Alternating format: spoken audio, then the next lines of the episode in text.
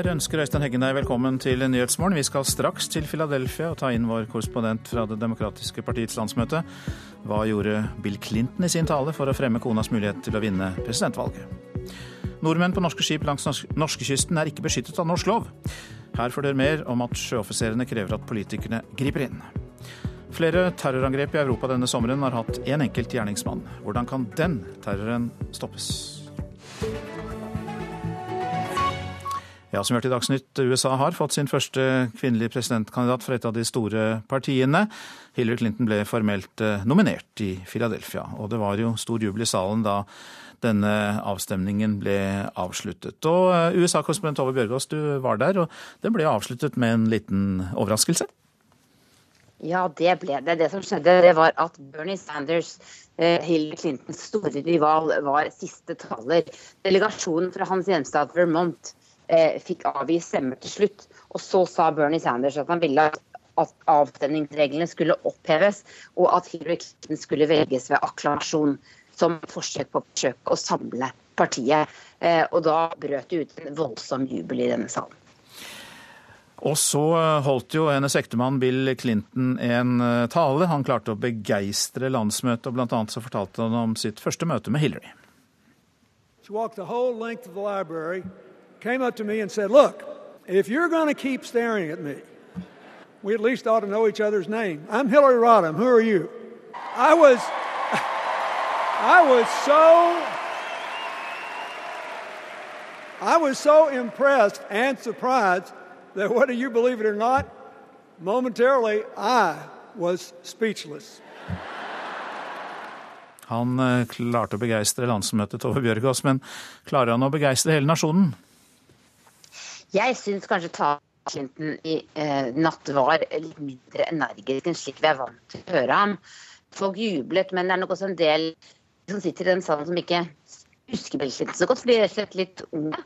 Eh, og i tillegg så var han Han fortalte mye om hvordan han om, om, om forholdet deres og alt hun har gjort for andre mennesker.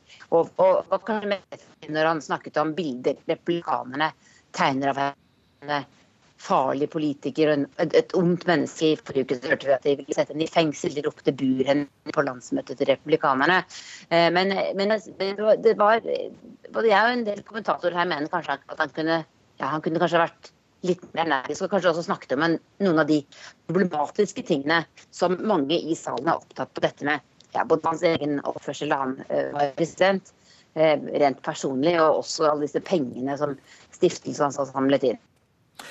Du har litt kranglete telefonlinje til Philadelphia, Tove men vi eh, prøver oss litt til eh, med et eh, kutt til fra det Bill Clinton sa. Han snakket bl.a. om at afroamerikanerne de må stemme på demokratene hvis de skal føle trygghet. If you're a young African American disillusioned and afraid, we saw in Dallas how great our police officers can be. Help us build a future where nobody's afraid to walk outside, including the people that wear blue to protect our future.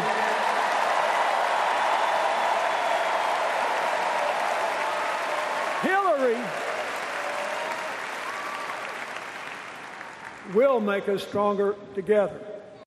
Ja, han eh, sa vel veldig mange ganger også at det var Hillary som eh, kunne få til endring i det amerikanske samfunnet, Bjørgaas. Ja, og det er jo det som er viktig å fram for hennes kampanje på dette landsmøtet. Hun har all denne erfaringen, eh, og at hun ikke bare kan bygge videre på det Barack Obama har gjort de siste åtte årene, men også skape forandring, kanskje spesielt for kvinner i dette landet.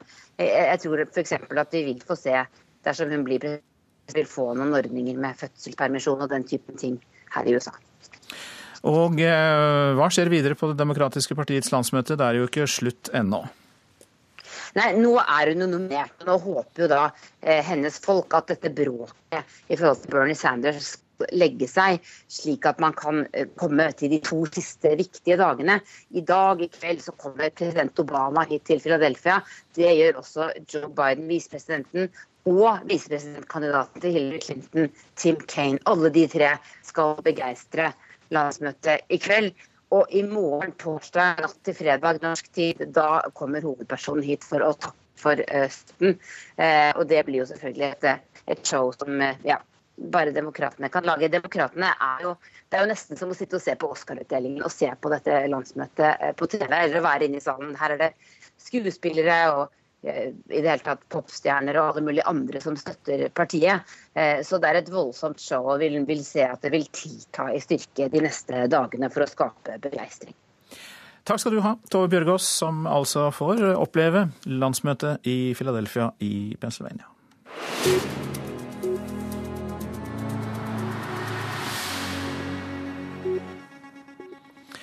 Europa har vært rammet av flere terrorangrep denne sommeren. Rundt 100 personer har blitt drept i de siste angrepene. Og felles for de fleste av dem er at det har vært én enkelt gjerningsmann.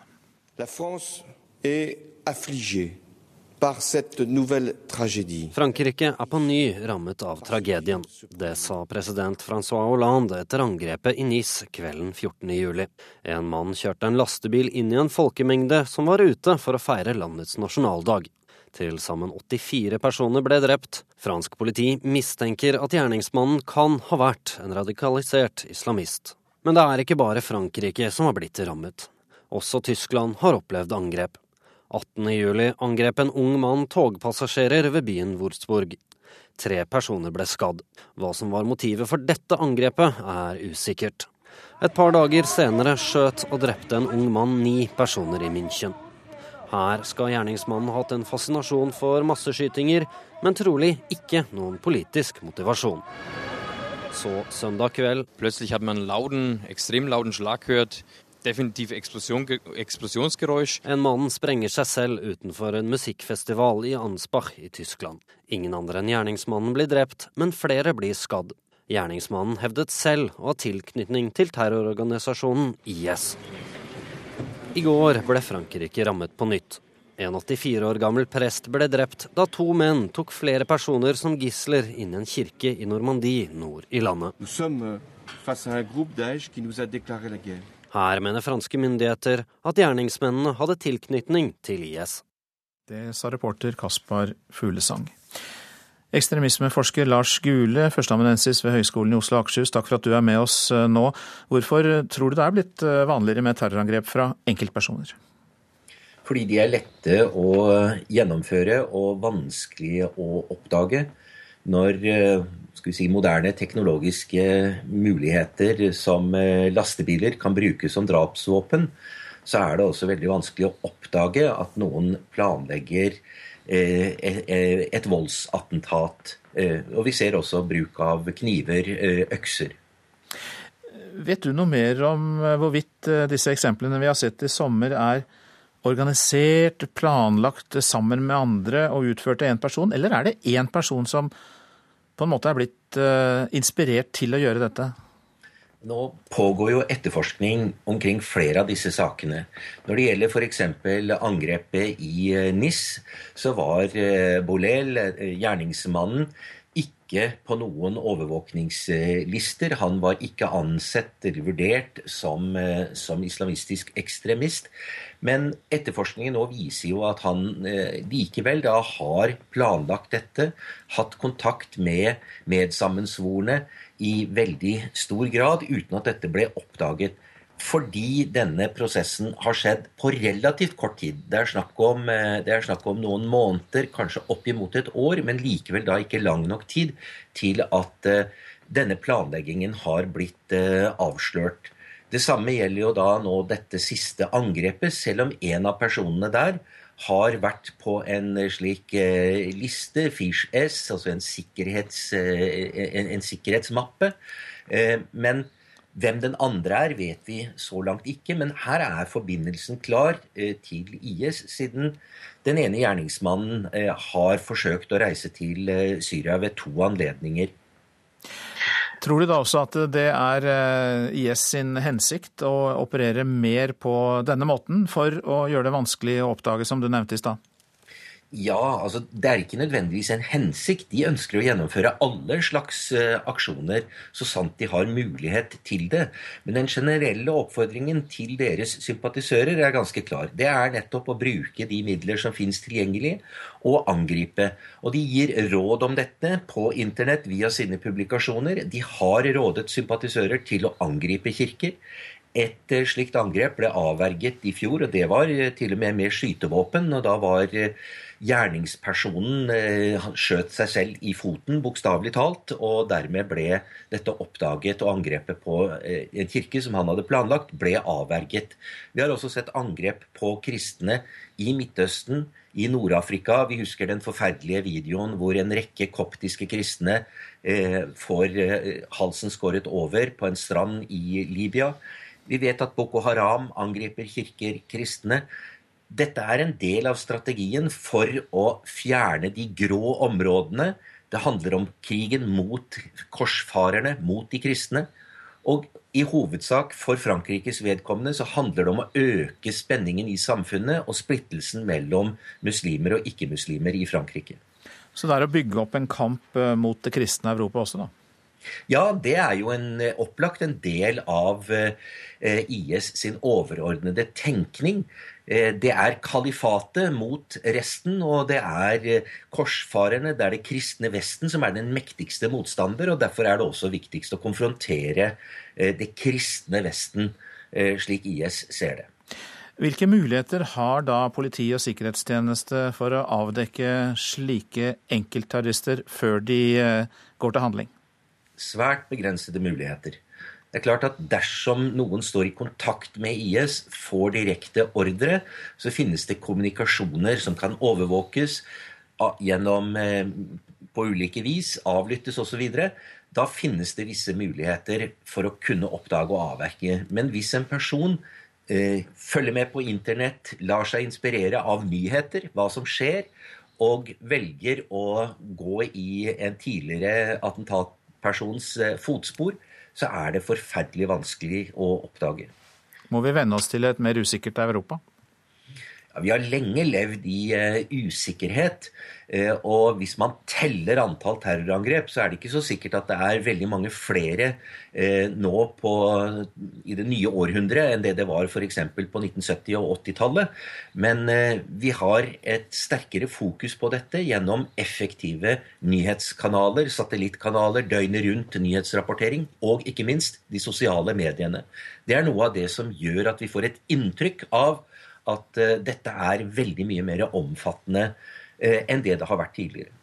Takk skal du ha, Lars Skule, som er førsteamanuensis ved Høgskolen i Oslo og Akershus. Klokka er 7.16 der. Dette er hovedsaker. I USA er Hillary Clinton utnevnt som demokratenes presidentkandidat på partiets landsmøte i Philadelphia, og blir da den første kvinnelige presidentkandidaten for et av de store partiene i USA. Regjeringen må si mer tydelig fra om de ønsker mer eller mindre flytrafikk, sier ledelsen i Norwegian. Flyselskapet mener det er umulig å forstå hva regjeringen egentlig vil med politikken sin. Europa har vært rammet av flere terrorangrep der det har vært kun én enkelt gjerningsmann, har vi nettopp hørt. Og ekstremistforsker Lars Gule sa nettopp her i Nyhetsmorgen at det er veldig vanskelig å avverge slike angrep. Og så skal vi høre at eh, Frp-nestleder Per Sandberg får ros fra uventet hold.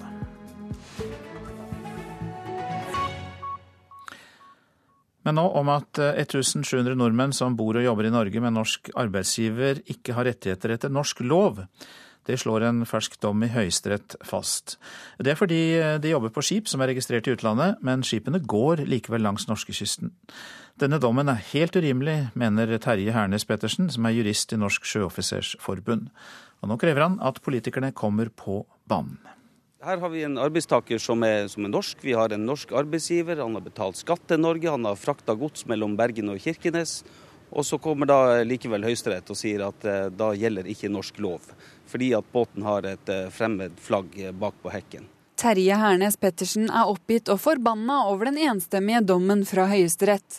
Stadig mer av aktiviteten langs norskekysten skjer på skip med utenlandske flagg, og Sjøoffisersforbundet mener dermed at dommen får store konsekvenser for norske sjøfolk. Og Det tar en advokat et par timer for å få registrert en sånn båt i et bekvemmelighetsflagg. og Da er tydeligvis eh, norske rettigheter som vi har opparbeida i 100 år, så et pennestrøk satt eh, ut av spill. Det er saken mot den oppsagte styrmannen Kjell Atle Fredheim, som jobbet for Eimskip Norway, som har vært oppe i Høyesterett. Selv om skipet til Fredheim var registrert i Antigua Barbuda, fikk han aldri høre noe annet enn at han var underlagt norsk lov, ifølge han selv. Nei, Det var, det var en sjokkarta opplevelse. Jeg følte meg plutselig rettsløs, ikke beskytta av noen ting. Satt ut av alle system. Sjøoffisersforbundet sammenligner Fredheims tilfelle med Ryanair-saken fra 2013, der en oppsagt flyvertinne gikk til sak mot flyselskapet. Da slo retten fast at saken skulle føres etter norske lover, selv om selskapets hovedkontor ligger i Irland. For sjøfarten er det derimot havrettskonvensjonen som gjelder, og advokat Jan Vablum, som representerer Eimskip, skriver i en e-post til NRK at dommen ikke endrer rettstilstanden til norske sjøfolk, men heller fastsetter et veletablert prinsipp. Kan ikke leve med en sånn situasjon for et stort antall arbeidstakere i Norge. Sier Hernes Pettersen, som ber politikerne om å se på lovverket. Det er Senterpartiets Geir Pollestad, som leder næringskomiteen på Stortinget, åpen for. Ja, nå vet vi hvordan eh, rettstilstanden i Norge er på dette feltet. Så må vi vurdere om den er sånn som vi politisk ønsker at den skal være. Eh, mitt utgangspunkt er nok at når folk arbeider i Norge, så skal norske lovregler og norsk arbeidsmiljølov gjelde. Pollestad mener en endring vil være gunstig for å gjøre den maritime næringen attraktiv for norske sjøfolk. Sjøfolk er grunnlaget for det at vi har en svær maritim eh, næring i Norge, eh, og bidrar til den milliardnæringen som eh, maritim sektor er. Hvis vi nå svekker arbeidsmiljøet, så er jeg redd for at det på sikt vil gå utover, norske, utover norske sjøfolk og utover den maritime næringen. Reportere her Erlend Kinn og Randi Midskog. Nestleder i Frp Per Sandberg får ros fra uventet hold. I et VG-intervju i sommer så tok Sandberg til orde for å samle de grønne bilavgiftene i en drivstoffavgift. Forurenser må betale, sa Sandberg. Ja, det er positivt, sier nasjonal talsperson Une Aina Bastholm i Miljøpartiet De Grønne, MDG.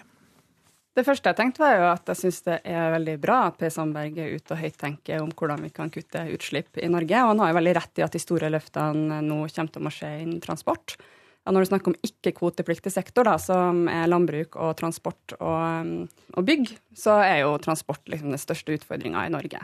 Frp og Miljøpartiet De Grønne er nærmest som hund og katt i miljøpolitikken. Så selv om Bastholm sier hun tar høyttenkingen med en klype salt, er det bare å høre godt etter, for dette er sjelden kost. Ja, og veldig positivt at Per Sandberg som en, eh, et slags talerør da, for grasrota i Frp eh, høyt tenker om klima. Det tenker jeg er kjempeviktig også for å gi legitimitet til eh, de forhandlingene vi skal ha framover om hvordan vi kutter utslipp. Ja, jeg skulle vel egentlig kanskje ha blitt bekymra, men jeg blir ikke det. Svarer Per Sandberg. Men han håper at Miljøpartiet har fått med seg alt han har sagt om saken. Eh, for jeg er helt sikker på at vi er enige i samtlige partier om at forurenser skal betale. Men mange som forurenser litt, betaler mye, mens de som forurenser mye, betaler mindre, sier han. Og Derfor så må man prøve å gjøre dette rettferdig og riktig. og Da mener jeg at å flytte flere avgifter over på forbruket, og kutte relativt i andre avgifter som er nærmest eh, fiskal i forhold til miljø, det tror jeg er rette veien å gå for å få med folket på dette. Men ros, det setter han pris på. Bare man får ros for det riktige, og ros for det som man prinsipielt står for, så er det altfor lite av det i politikken. Sa Per Sandberg, og reportere her var Katrin Hellesnes og Bjørn Myklebust. Og du kan høre et lengre intervju med Miljøpartitalsperson Bastholm her i Nyhetsmorgen om en knapp halvtime klokka 7.45. Nå om sportens verden. De norske lagene i Eliteserien har jo forsvunnet ett etter ett ut av kvalifiseringene til europacupspill denne sommeren, bortsett fra Rosenborg, da. De møter kypriotiske Apoel i kveld i tredje kvalifiseringsrunde i Mesterligaen. Og midtbanespiller Pål André Helland skjønner at Norges ære står på spill. Det er viktig å sette norsk fotball på kartet. Det har vært litt uh, trått de siste årene. og Fikk egentlig et godt år i fjor med at vi kom oss inn i gruppespillet, og Molde som gjorde det veldig bra, kom seg ut av gruppespillet i Europa. Så det, det er bra. Det trenger norsk fotball. Sier Pål André Helland, som vil spille en viktig rolle i Rosenborgs to møter med kypriotiske Apoel. Med seier sammenlagt er trønderne sikret gruppespill i enten Mesterligaen eller Europa League, og målet er selvsagt det førstnevnte. Det å komme seg inn i Champions League det vil bety utrolig, utrolig mye. Rent økonomisk for klubben, og så det med rankingpoeng og sånn som gjør at det, det blir enklere å komme seg inn eventuelt neste år. Så det, det har vi vanvittig lyst til. Stabæk, Odd og Strømsgodset har røket ut av sine kvalifiseringer. RBK-sjef Kåre Ingebrigtsen skulle gjerne sett at flere var igjen. Det er jo litt synd, altså, for det, det jo, vi bør jo ha flere lag ute i Europa. Det, det, det sier jo litt om da, kvaliteten på tippeligaen. Som, som, det er klart det, Vi skulle gjerne sett at det var flere lag som var med. Det er jo en stor, stor ære å prøve, få prøve seg blant de aller største og klart i Europa og teste seg sånn. Det, det, er det vi spiller for, og det, det er derfor vi holdt opp å si spiller fotball. Sier Tore Reginiussen, som sammen med treneren håper de har lært litt av kampene mot svenske Nordkjøping, der de slapp seg for langt ned. Vi er nødt til å være skjerpa, vi er nødt til å være fokusert gjennom 90 minutter. Små feil eh, på det nivået her, så blir du hardt straffa. og det er Bortemål og sånn, det teller. og det, Vi er nødt til å være solide og godt organisert skal vi komme oss videre i E-cupen. Så får vi se hvordan det går mot det kypriotiske laget. Reporter var Vegard Aulstad.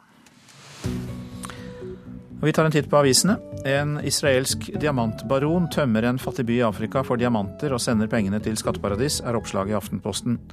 Benner Steinmetz kontrollerer gruven gjennom et postboksselskap og betaler ikke eiendomsskatt til Sierra Leone. Og folk i diamantbyen lever i fattigdom, viser avsløringer fra Panama-papirene. Langrennsutøver hadde aldri astma, men ble likevel bedt om å ta astmamedisin, skriver VG. Utøver Siri Halle var aktiv på 1990- og 2000-tallet, og fikk samme medisin som Martin Jonsrud Sundby ble utestengt for nå, selv om hun ikke behøvde det. Astmaspesialist og professor Kai Håkon Karlsen sier til avisa at det ikke var noen restriksjoner på bruk av astmamedisin før Lillehammer-OL. Dagens Næringsliv forteller om en sterk økning i inkassoer på forbrukslån. Antall misligholdte lån øker spesielt blant unge mellom 18 og 25 år. Det er en veldig kilde til ustabilitet, sier sjeføkonom Jan Ludvig Andreassen i Eika-gruppen. Tidligere styreleder for Nordea i Luxembourg, Gunn Wærsted, var kjent med at banken opprettet stråselskaper i skatteparadiser, skriver Klassekampen. Wærsted, som nå er styreleder i Telenor, sier praksisen var legitim, og at oljefondet også har skatteparadisselskaper. Inga Marte Torkelsen går ut i Dagsavisen og snakker om sviket mot de minste. SVs sosialbyråd i Oslo sier vi er livredde for å ta tak i overgrep mot barn, og at vi bagatelliserer overgrep og skyver det under teppet. Politikerne selv er blitt viktigere enn sannheten, sier retoriker Jens Elmelund Kjeldsen til Vårt Land. Han kommenterer at republikanernes presidentkandidat Donald Trump er blitt kritisert for omtrentligheter og løgner. Vestlig politisk debatt blir endret med det, sier Kjeldsen. Enkel hytteferie frister flere av oss, kan Nasjonen fortelle. Utleie av hytter uten strøm og vann har økt med 40% melder hytteformidleren i Natur. Interessen for fiskekort er også i vekst. En egen vakt nekter turister å gå på do i Bergen, kan vi lese i Bergensavisen. Det er restauranthuset og matmarkedet Kjøttbasaren som har sett seg lei på busslaster med turister som stopper like utenfor og benytter seg av toalettene. Det er for få offentlige toaletter i Bergen sentrum, sier Kjøttbasarens leder Fredrik Isdal. Og som en fortsettelse av det vi hørte om eh, i eh, presserunden, rekordmange ungdommer reiser på fjellet i sommer. Interessen for det enkle er åpenbart økende. Og det merkes på turisthyttene i Telemark. Noen er lei av strandlivet, og andre bruker fjellturen til å publisere skrytebilder på sosiale medier. Da har vi noen lunsjbestillinger. Vi har eh, to pizzaer og to hjemmelagde rømmegrøt og to hjemmelagde karbonatesmørbrød. Inne på Kallov turisthytte er vertene i full gang med å forberede mat til slitne turister som kommer både syklende og til fots over fjellet. Det er eh, flere turister enn det er sengeplasser, og kokkene jobber nå på spreng for å lage nok kanelboller og pizza til alle som kommer innom. Vi er på vei fra Finse til Rjukan, og den lå perfekt til for å stoppe og spise lunsj. Vinduets beste pizza. Lars Erik Linjem og Henriette Tronsen er to av de som har besøkt hytta for å nyte en varm lunsj. Paret har som mange andre unge denne ferien valgt bort utlandet og tilbringer heller ei uke på fjellet. Det er jo opplevelsen kanskje av fjell og vidde og frihet og det å være alene. Vi bor jo ved sjøen, så vi har jo det resten av året. Så nå ønsker vi en litt annen ferie. Litt ferdig med sydenferier og charter. En undersøkelse TNS Gallup har gjort for Den norske turistforeninga, viser at 58% av ungdom mellom 15 og 29 år har sagt at de skal på fjelltur i sommerferien. Og Kjersti Vøllo på Kallov turisthytte har lagt godt merke til denne utviklingen. Ja, og de, eh, de, er veldig selvgående veldig flinke. Altså De har ofte med seg telt, og, men kommer innom og koser seg på hytta og føler at de har fortjent det meste. Eh, for de har lagt flere mil bak seg. Eh, veldig mye positive, flotte ungdommer som er, som er på tur. Leder i DNT Ung Tina Skare tror årsaken til at ungdommer nå velger naturen, er fordi den er tilgjengelig for alle, og det er billig. Turistene i 20-åra velger ofte turisthytter og telt fordi det er sosialt, sier Skare. Nei, jeg tror at det er en veldig enkel måte å oppleve friluftsliv på. Fordi du kan bo på hytte, det er litt mer komfortabelt, litt tryggere hvis man ikke er så vant til å drive med friluftsliv. Eh, og det er en sosial ting man kan gjøre med sine. Ungdommene Magnus Evenby, Helle Flerså, Daniel Aasli og Lene Helleland har gjort nettopp dette. De har tatt med seg telt, de har tatt med seg hundene sine, mat og tunge sekker for å campe i fjellet, og legge over ni mil bak seg på en uke. Du reiser egentlig litt på tur for å få det bildet til Instagram? Jeg tror kanskje Nei, jeg kan ikke si det. Ikke ta det med noen plass. Men jeg gjør nok det, ja. Reportasjen var laget av Kristine Kåslung. Du lytter til Nyhetsmorgen, og produsent er Marit Selver Nedrelid. Her i studio, Øystein Heggen. Vi har jo hørt mye fra Demokratenes landsmøte i Philadelphia denne uka, men snart skal vi høre mer om selve byen, USAs femte største i delstaten Pennsylvania. Og vi er ikke anti-bil og ikke anti-fly, det sier talsperson for Miljøpartiet Aina Bastholm, som vi skal høre et intervju med etter Dagsnytt. Og kunstig intelligens skal gi oss raskere hjelp dersom kriser og terror rammer oss. Mer om det også i den neste halvtimen.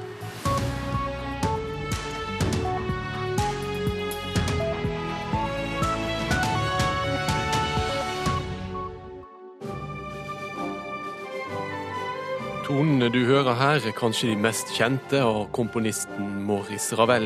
Men selv mente han at bolero var en bagatell, ja nærmest en spøk. En ny bok forteller om de siste ti årene av livet til den franske komponisten. En tilværelse ribbet for erotikk og humor, men fylt av desto mer strid og ensomhet. Få med deg Kulturhuset i dag klokken 13.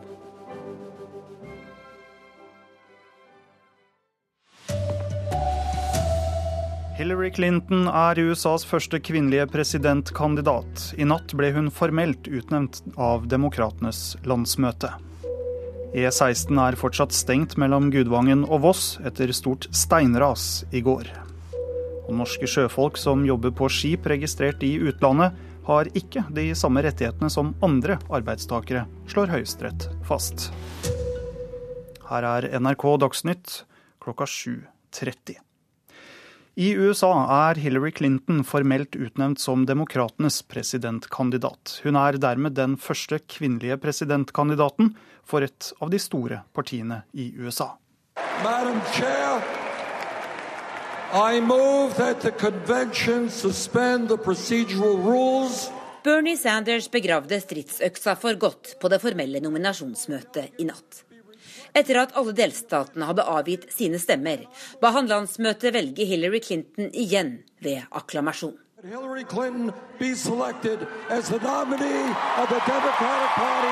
Salen her i Philadelphia eksploderte i jubel, og stemningen på hele landsmøtet forandret seg. Det var elektrisk å sitte her, forteller Mabel Powers Laurel, som er delegat fra Sør-Carolina. Hovedpersonen takket på videolink. Hun hadde også en viktig melding til USAs småjenter.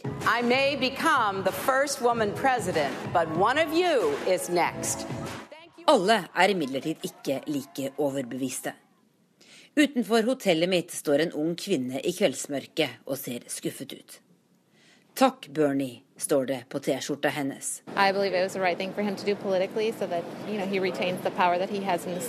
Bernie gjorde det rette i kveld. Nå kan han få stor innflytelse som senator, sier delegat fra Texas, Stephanie Felton. Hva hun skal gjøre i november, vet hun imidlertid ikke.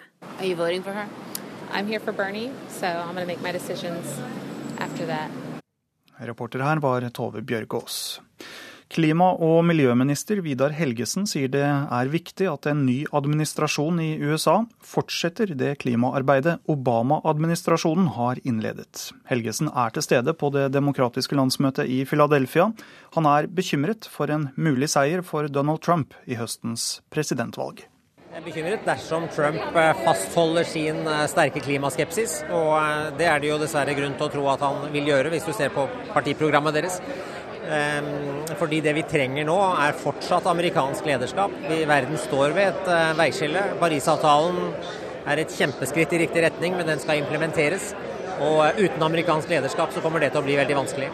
Klimaavtalen fra Paris sier at målet er at klimautslippene må reguleres slik at klodens gjennomsnittstemperatur ikke stiger mer enn to grader over nivået fra førindustriell tid. USA har undertegnet avtalen, men den er ikke ratifisert. I det republikanske partiprogrammet omtales kull som en ren energiform, og den republikanske presidentkandidaten Donald Trump sa i mai at han vil kansellere hele Parisavtalen i løpet av sine første 100 dager. USA har undertegnet, men ikke ratifisert avtalen.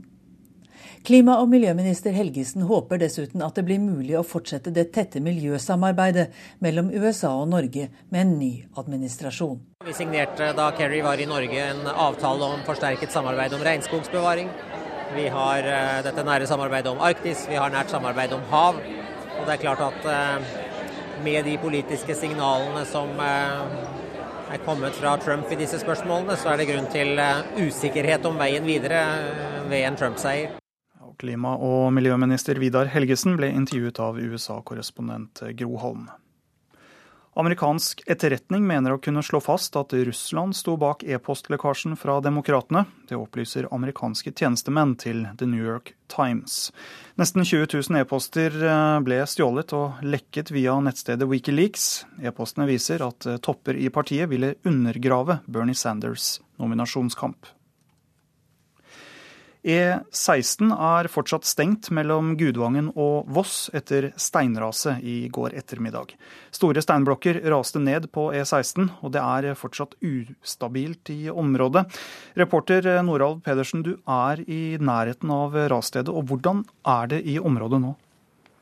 En kilometer lenger fram i dalen her ligger de store kampesteinene og sperrer denne viktige ferdselsåra mellom, eh, mellom Vestlandet og Østlandet. I formiddag skal et helikopter opp i fjellsida og spyle ned løse steiner og løsmasser som ligger igjen. Deretter skal en geolog opp og vurdere om det er trygt å starte oppryddingsarbeidet nede på Europavegen, der både steinene må flyttes og asfalten må repareres. For det var sterke krefter i sving i går klokka fem, og mange har vært inne på nrk.no og sett de dramatiske nettvideoene av folk i Gudvangen som eh, hindrer at eh, tungtransport og privatbiler kjører rett inn i raset. Ordfører i Aurland, Norald Ristad, hva syns du om den innsatsen som folk la ned i går ettermiddag? Det er en fantastisk innsats, og vi er utrolig glad for at det ikke gikk menneskeliv, at noen ble skada. Vi sier jo ofte at det er flaks at det ikke går eh, menneskeliv, eh, men i dette tilfellet så viser det nok en gang folk har gjort en fantastisk innsats. De har tenkt bare på å berge andre framfor å tenke på sitt eget liv. Du er ordfører i en stor reiselivskommune. Vi står ved innfallsporten til eh, Værsarfjorden, Nærøyfjorden og 20 km unna er turistmagneten Flåmsbana. Hva slags følge får stengingen av E16 for reiseliv i kommunen din? Det betyr uh, tapte inntekter. Vi står nå i Gudvangen. Her er det flere bedrifter. Vi står ved siden av en butikk og en bensinstasjon. Trafikken er vekke. Og det er klart veldig mange andre òg blir for store tap pga. at det, uh, det nå ikke er trafikk på veien. Og Ordfører Distad og alle her i Gudvangen er nå spente på hva utfallet av opprensking i fjellsida blir, og hvor tid veien kan åpnes. Takk skal du ha, reporter Noralv Pedersen. 1700 nordmenn som bor og jobber i Norge med norsk arbeidsgiver, har ikke rettigheter etter norsk lov. Det slås fast i en ny dom fra Høyesterett. Årsaken er at personene jobber på skip som er registrert i utlandet, men som seiler i Norge. Jurist i Norsk Sjøoffisersforbund, Terje Hernes Pettersen, mener dommen er helt urimelig. Han krever at politikerne kommer på banen. Her har vi en arbeidstaker som er, som er, norsk. Vi har en norsk arbeidsgiver. Han har betalt skatt til Norge. Han har frakta gods mellom Bergen og Kirkenes. Og så kommer da likevel Høyesterett og sier at eh, da gjelder ikke norsk lov. Terje Hernes Pettersen er oppgitt og forbanna over den enstemmige dommen fra Høyesterett. Og Det tar en advokat et par timer for å få registrert en sånn båt i et bekvemmelighetsflagg. og Da er tydeligvis eh, norske rettigheter som vi har opparbeida i 100 år, et pennestrøk satt eh, ut av spill. Det er saken mot den oppsagte styrmannen Kjell Atle Fredheim, som jobbet for Eimskip Norway, som har vært oppe i Høyesterett. Selv om skipet til Fredheim var registrert i Antigua Barbuda, fikk han aldri høre noe annet enn at han var underlagt norsk lov, ifølge han selv. Jeg følte meg plutselig rettsløs, ikke beskytta av noen ting. Sjøoffisersforbundet sammenligner Fredheims tilfelle med Ryanair-saken fra 2013, der en oppsagt flyvertinne gikk til sak mot flyselskapet. Da slo retten fast at saken skulle føres etter norske lover, selv om selskapets hovedkontor ligger i Irland.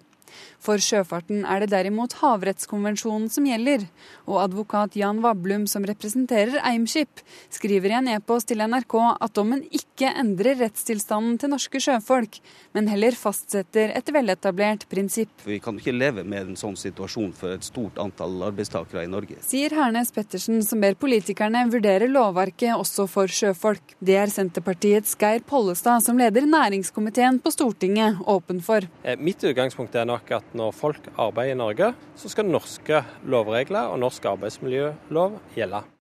Reportere Erlend Kinn og Randi Midtskog. Regjeringen må bli klarere på om de ønsker mer eller mindre flytrafikk. Det mener Norwegian.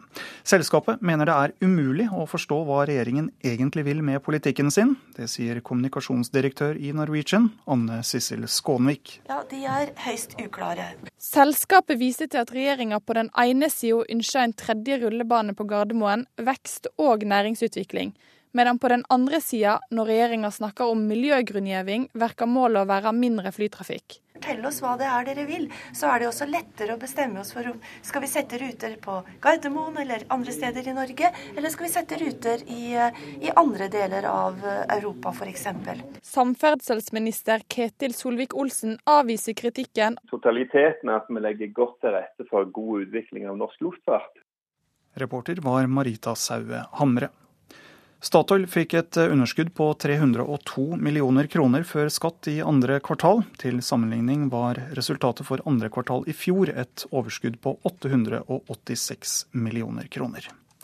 Ansvarlig for NRK Dagsnytt var Arne Fossland. I studio Hans Christian Eide.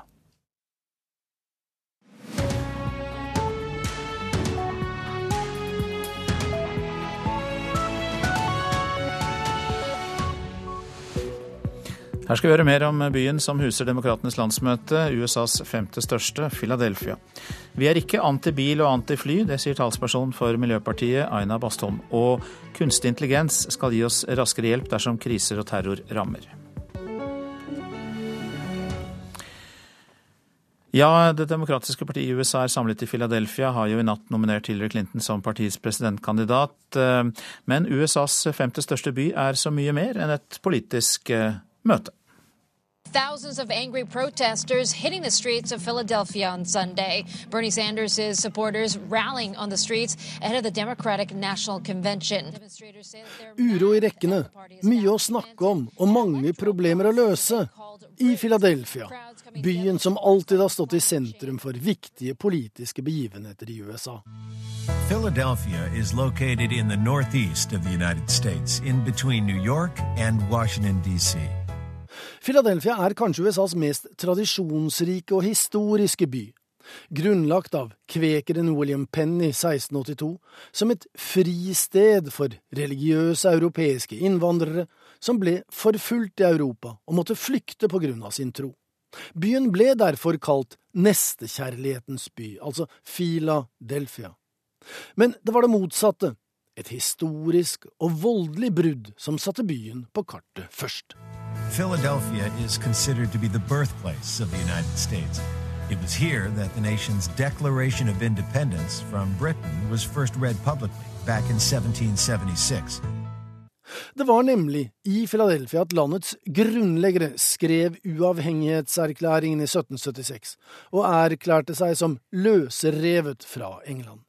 Og dermed formaliserte de det militære opprøret som allerede hadde pågått lenge. Og det var i samme by den unge nasjonens nye grunnlov ble vedtatt syv år senere. Philadelphia is also the birthplace of the Constitution, which was debated 11 years later across the road in the State House, which is now the Independence Hall. Så var det også Philly, som mange sier nokså uærbødig sånn til hverdags, landets hovedstad, altså for de 13 opprinnelige statene, i hele ti år, før Washington DC ble bygd og overtok i 1800. Mange av minnene fra denne sterkt politiske perioden, og gjenstandene fra den gang, ikke minst den symbolsk viktige Liberty Bell, er i dag nasjonale helligdommer og turistmagneter. The bell has since become a symbol of freedom and can be admired in the Liberty Bell Center. Stor-Philadelphia er det kulturelle og økonomiske sentrum og et trafikknutepunkt i en region som omfatter nærmere seks millioner mennesker i Pennsylvania, Delaware, New Jersey og Maryland. Og ikke minst et sportslig sentrum.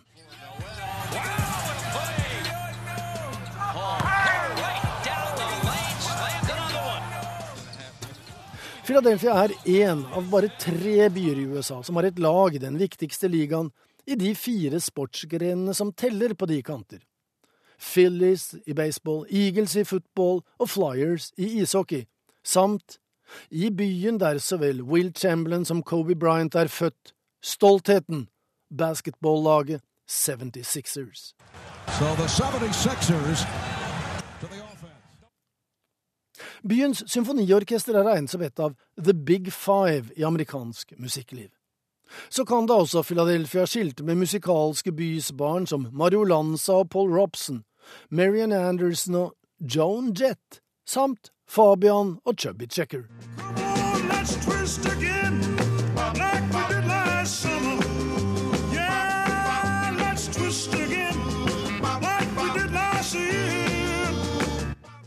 Politisk er Benjamin Franklin Philadelphias store sønn, med, noe overraskende kanskje, Israels statsminister Benjamin Netanyahu som en god nummer to. Men han blir etter hvert kanskje nummer tre. For hvis Hillary Clinton, som nomineres i Philadelphia denne uken, taper i november, da kommer Donald Trump på sokkel, muligens. For han gikk nemlig to år på prestisjetunge Wharton Business School i Philadelphia. Og utrolig nok, det hevdes uten at noen husker det. Trump har senere vært aktiv på en rekke felt, blant annet som arrangør av boksematcher, og så vel Sonny-listen som Joe Frazier regnet Philadelphia som hjemme.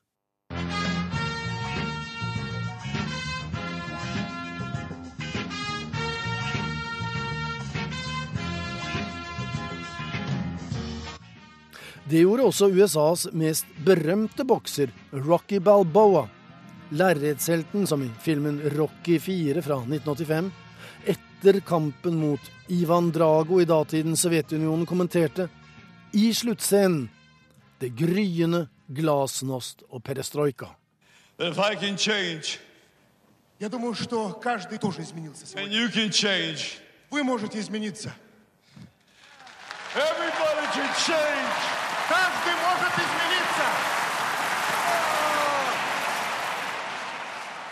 Reportasjen er laget av Joar Hoel Larsen. Klokka går mot 7.46. Dette er eh, hovedsaker. Hillary Clinton er altså USAs første kvinnelige presidentkandidat for et av de store partiene. I natt ble hun formelt utnevnt av eh, landsmøtet. Ifølge amerikansk etterretning sto Russland bak e-postlekkasjen fra demokratene, opplyser etterretningskilder til New York Times. E-postene viser at topper i partiet vil undergrave Bernie Sanders' nominasjonskamp. E16 er fortsatt stengt mellom Gudvangen og Voss etter et stort steinras i går. Og norske sjøfolk som jobber på skip registrert i utlandet, har ikke de samme rettigheter som andre arbeidstakere, selv om skipene seiler langs, langs norskekysten. Nå krever sjømennene endring. Vi er ikke et antibilparti. Det sier Une Aina Bastholm, talsperson for Miljøpartiet De Grønne. Og hun legger til vi er heller ikke imot å bruke fly. Irriterer det deg med alle som flyr rundt i verden på ferie nå i sommer? Nei, det gjør det ikke. Jeg tror jo vi har en hverdag, mange av oss, hvor vi av og til gjør det. Men eh, det er jo klart at den samla eh, påvirkninga på klima av reisinga vår, eh, det er vi nødt til å gjøre noe med. Men du, du sier vi- ikke nei til shoppingturer til London en helg, da? Det der er jo interessant, egentlig, for det som spiller en rolle, er jo hvor mange turer man tar, kan du si, da, eh, mer enn eh, enn hvor man reiser. Så derfor så vet jeg jo om en del som velger å reise sjeldnere, og kanskje bli litt lenger og oppdage litt mer der de er med. Eh, og vi kommer nok til å måtte, liksom, ja, gjennom politiske virkemidler også, til og med Frp nå tar jo til orde for det, og lager insentiver for at det blir litt dyrere å, å reise såpass langt og miljøfiendtlig. Irriterer det deg med alle som kjører bil rundt i Norge på ferie i sommer? Nei, og jeg blir jo liksom ikke irritert. Um, som det, det som er liksom det fine med å være politiker, er jo at du skal se på hvordan vi kan lage et ordninger for at det skal være lettere å velge rett, kan man si. Og, um, Men dere er jo antibilpartiet, er dere ikke det, da? ja, det har jo kanskje blitt skapt et sånt inntrykk, og mye av grunnen til det er jo at det har vært en veldig viktig sak, og er en viktig sak for oss i Oslo. Eh, og Oslo-media er også riksdekkende. Eh, og i Oslo gjør, vi nå en veldig viktig jobb, eh, mener jeg, med å få redusert biltrafikken. Og det handler om å få ned utslippene på klima.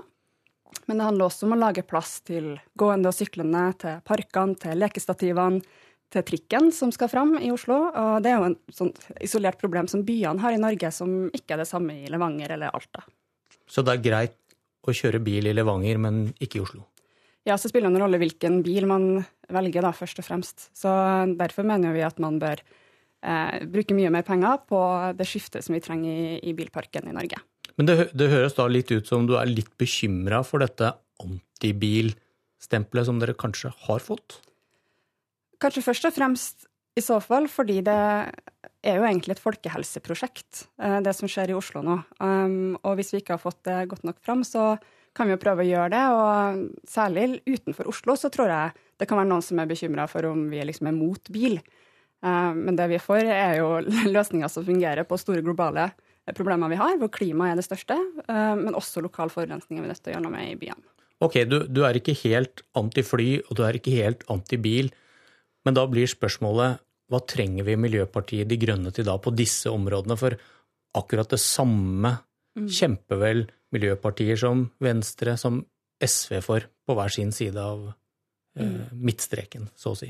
Ja, Det jeg mener skiller oss, er jo fokuset vårt. Eh, fordi vi var jo veldig tydelige i 2013, før vi kom inn på Stortinget, og også nå i lokalvalget i 2015, hvor vi har gjort to gode valg på at klima og miljø er noe vi ikke forhandler bort.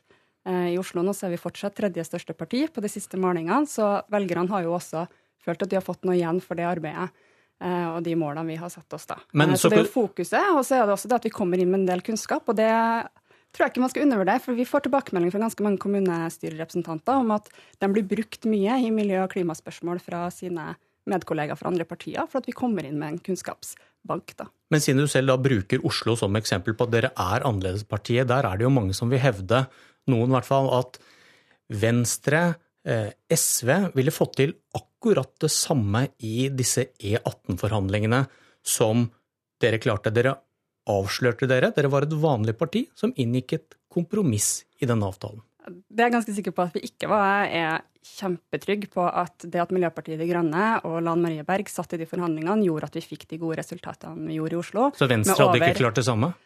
Nei, og Venstre har jo også sittet eh, i byråd i Oslo og ikke fått til lignende tiltak. Og der handler det om sykkel, og det handler om biltrafikk. og det er en lang rekke tiltak tror jeg, hvor Miljøpartiet De Grønne sitt fokus, og også sånn tydelige mandat fra velgerne våre, har hjulpet oss i å, i å sette makt bak kravene. Men for å angripe det fra en litt annen side, da, når det gjelder påstanden om at dere er et annerledes parti enn disse andre miljøpartiene. Eh, Lan Berg sitt ikke én meter motorvei Mm. ble til at det var bare en spissformulering.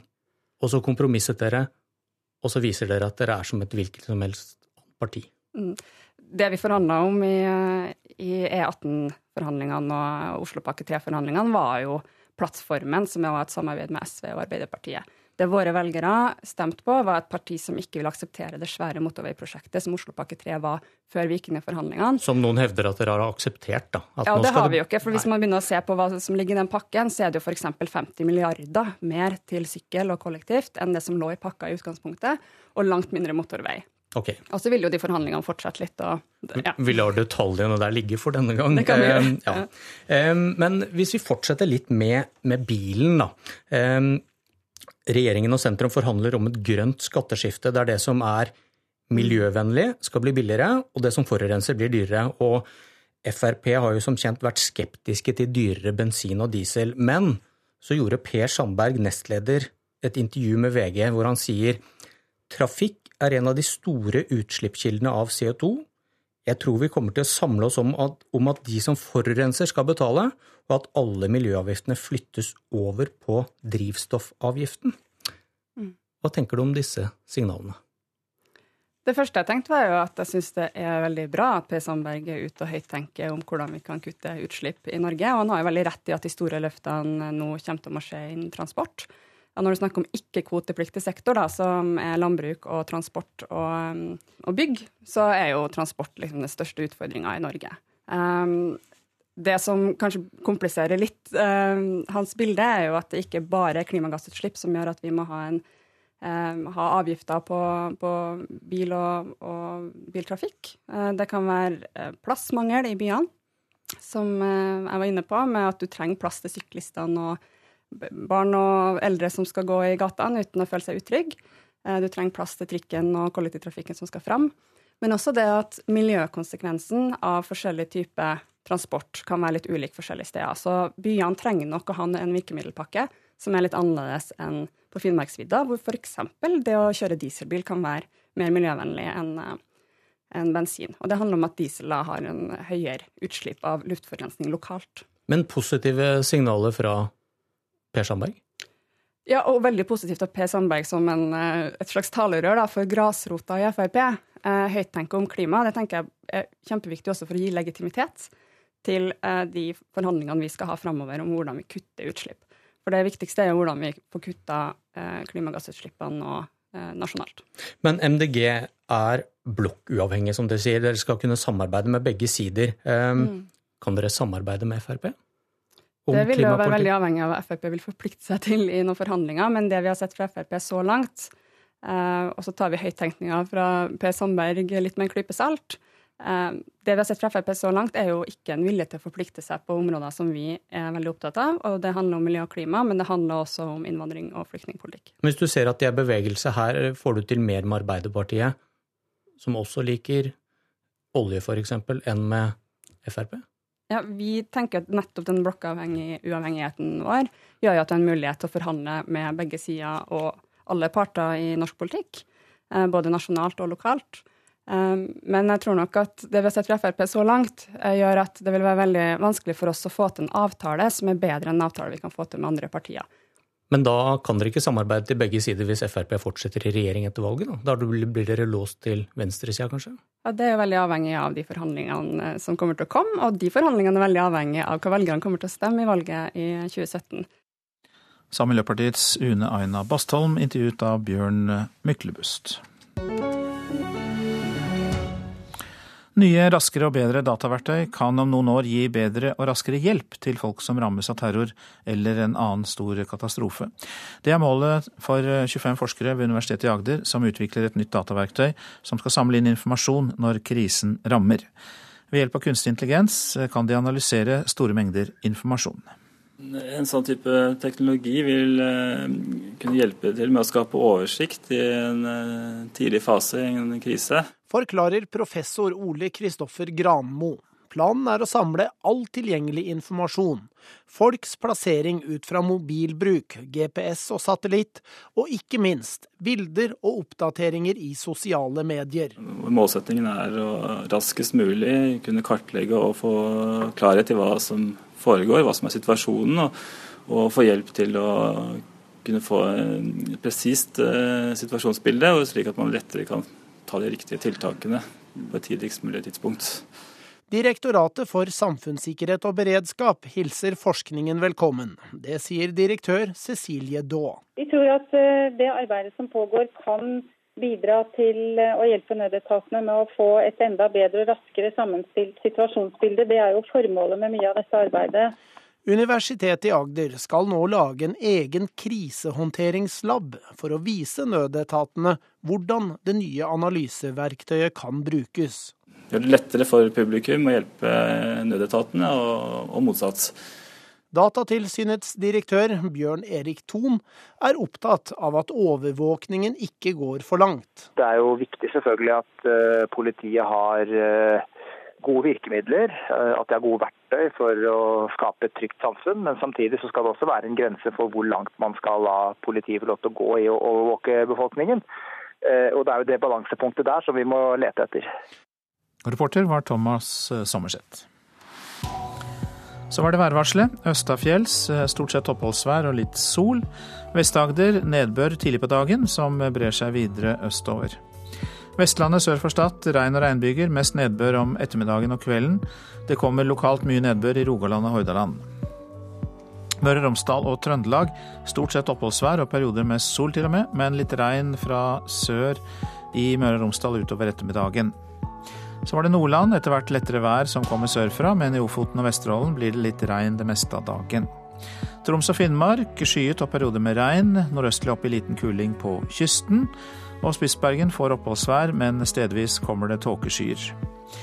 Så tar vi med oss temperaturene målt klokka sju. Svalbard lufthavn ni grader, Kirkenes og Vardø tolv. Alta og Tromsø-Langnes 14. Bodø og Brønnøysund 13. Trondheim-Værnes og Molde begge 14. Så var det Bergen-Flesland med 13 grader, Stavanger 14, Kristiansand-Kjevik 12, Gardermoen 13, Lillehammer 11. Røros 8 grader og Oslo-Blindern, der var det 16 grader, og dette var altså temperaturene klokka sju.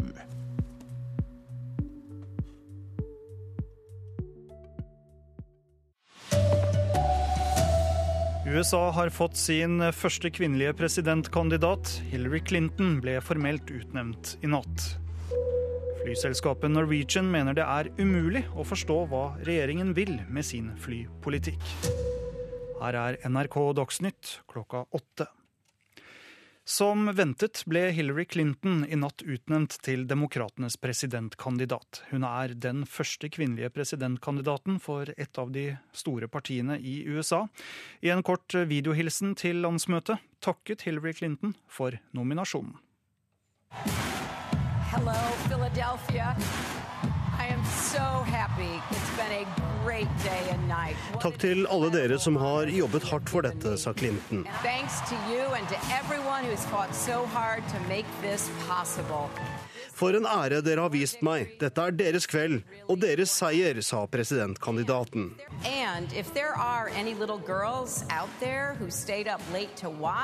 Og Clinton hadde også en egen hilsen til amerikanske småjenter. Jeg blir kanskje USAs første kvinnelige president, men du kan bli den neste, sa Clinton. I may become the first woman president, but one of you is next. Reporter her var Arne Fossland. Regjeringen må bli klarere på om eh, de ønsker mer eller mindre flytrafikk. Det mener eh, flyselskapet Norwegian. Kommunikasjonsdirektør i Norwegian, Anne Sissel Spån- Skånvik, mener det er eh, umulig å forstå hva regjeringen vil. Ja, de er høyst uklare. Selskapet viser til at regjeringa på den ene sida ønsker en tredje rullebane på Gardermoen, vekst og næringsutvikling.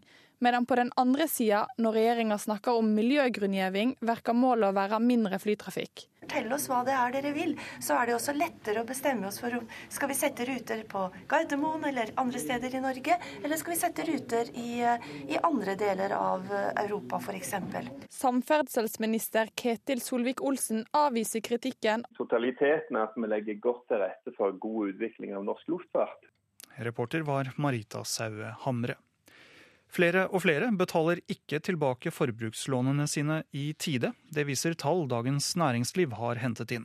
Hos Norges største inkassoselskap, Lindorf, har tallet på inkassosaker fra forbrukslån og kredittkort vokst med 30% på ett år, skriver avisa. Økningen er størst i Rogaland, som er hardt rammet av oljekrisen. E16 er fortsatt stengt mellom Gudvangen og Voss etter det store steinraset i går ettermiddag. Raset førte til store skader på veien, men ingen mennesker ble skadd i raset. Det er fortsatt usikkert når veien kan åpne igjen.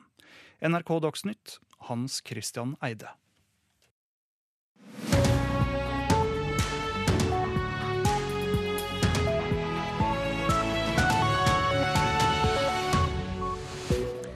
Og Nyhetsmorgen fortsetter med disse sakene. Bill Clinton forsøkte å begeistre demokratenes landsmøte og hjelpe Hillary Clinton fram til Det hvite hus. Klima- og miljøminister Vidar Helgesen han er bekymret for en mulig Trump-seier i eh, USAs presidentvalg.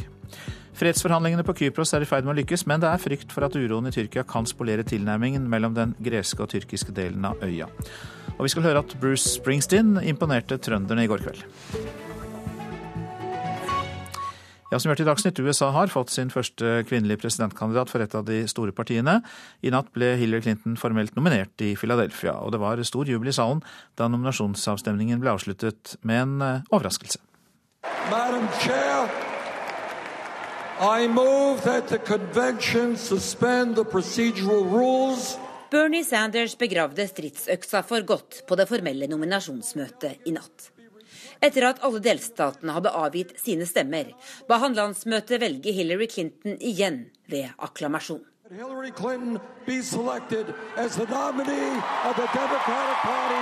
Salen her i Philadelphia eksploderte i jubel, og stemningen på hele landsmøtet forandret seg. Det var elektrisk å sitte her, forteller Mabel Powers Laurel, som er delegat fra Sør-Carolina. Hello, Philadelphia. I am so happy. Hovedpersonen takket på videolink. Hun hadde også en viktig melding til USAs småjenter. I may become the first woman president, but one of you is next. On political and civil rights. Stemningen på landsmøtet ble altså bedre i natt etter stridighetene det siste døgnet. Og han, som blir USAs første førstemannkandidat, fortalte velgerne at den virkelige Hillary Clinton er en helt annen enn den republikanerne tegner et skrekkbilde av. The real one had done more positive change making before she was 30 than many public officials do in a lifetime in office. Alle er imidlertid ikke like overbeviste. Utenfor hotellet mitt står en ung kvinne i kveldsmørket og ser skuffet ut. Takk, Bernie, står det på T-skjorta hennes. I believe it was the right thing for him to do politically so that, you know, he retains the power that he has in the Senate. Bernie gjorde det rette i kveld. Nå kan han få stor innflytelse som senator, sier delegat fra Texas, Stephanie Felton. Hva hun skal gjøre i november, vet hun imidlertid ikke. Are you voting for her? I will be voting, uh, and I will be voting all the way down the ticket. And um, I'm here for Bernie, so I'm going to make my decisions. Jeg kommer til å stemme ved kongressvalget, men jeg er jo her for Bernie, så jeg må i tenkeboksen, sier Stephanie, som var en av delegatene som forlot salen i protest da nominasjonsmøtet var avsluttet i natt. Og USA-korrespondent Tove Bjørgaas, vi hørte deg der, og nå er du med oss fra landsmøtet i Philadelphia. Og den formelle nominasjonen av Hillary Clinton skjedde jo på en forsonende måte, fortalte du. Fører det til et samlet parti i kampen mot Donald Trump? Det er fortsatt eh, splittelse her, altså. Og som dere hørte, det var noen delegater som marsjerte ut og ropte 'vi går ut' da denne avstemningen var avsluttet. Men Bernie Sanders har gjort noe alt han kan for å vise sine tilhengere at han ønsker at Hillary Clinton skal bli kandidaten, og at de er nødt til å stemme på henne for, at, for å unngå at Donald Trump skal bli valgt. Men eh, Hillary Clinton har en lang vei å gå for å bl.a. få stemmene til unge velgere. som Mange av dem er blitt, er blitt vekket av Bernie Sanders, og de har hun ikke klart å engasjere. Tidligere president eh, Bill Clinton har jo holdt begeistrede taler på disse landsmøtene helt siden 1980, og gjorde det også i eh, natt norsk tid. Eh, Men spesielt ble det jo, for han skulle jo begeistre landsmøtet for å snakke om kona si Hillary. Ja, han skulle jo ha en annen rolle nå, og han forsøker febrilsk å holde seg litt i bakgrunnen, for nå er det hun som skal være hovedpersonen. Jeg syns kanskje vi har hørt Bill Clinton bedre f.eks. For, for fire år siden, da han holdt en gnistrende tale for Obama. Eh, mens nå syns jeg kanskje han var litt eh, han kunne vært eh, enda mer energisk.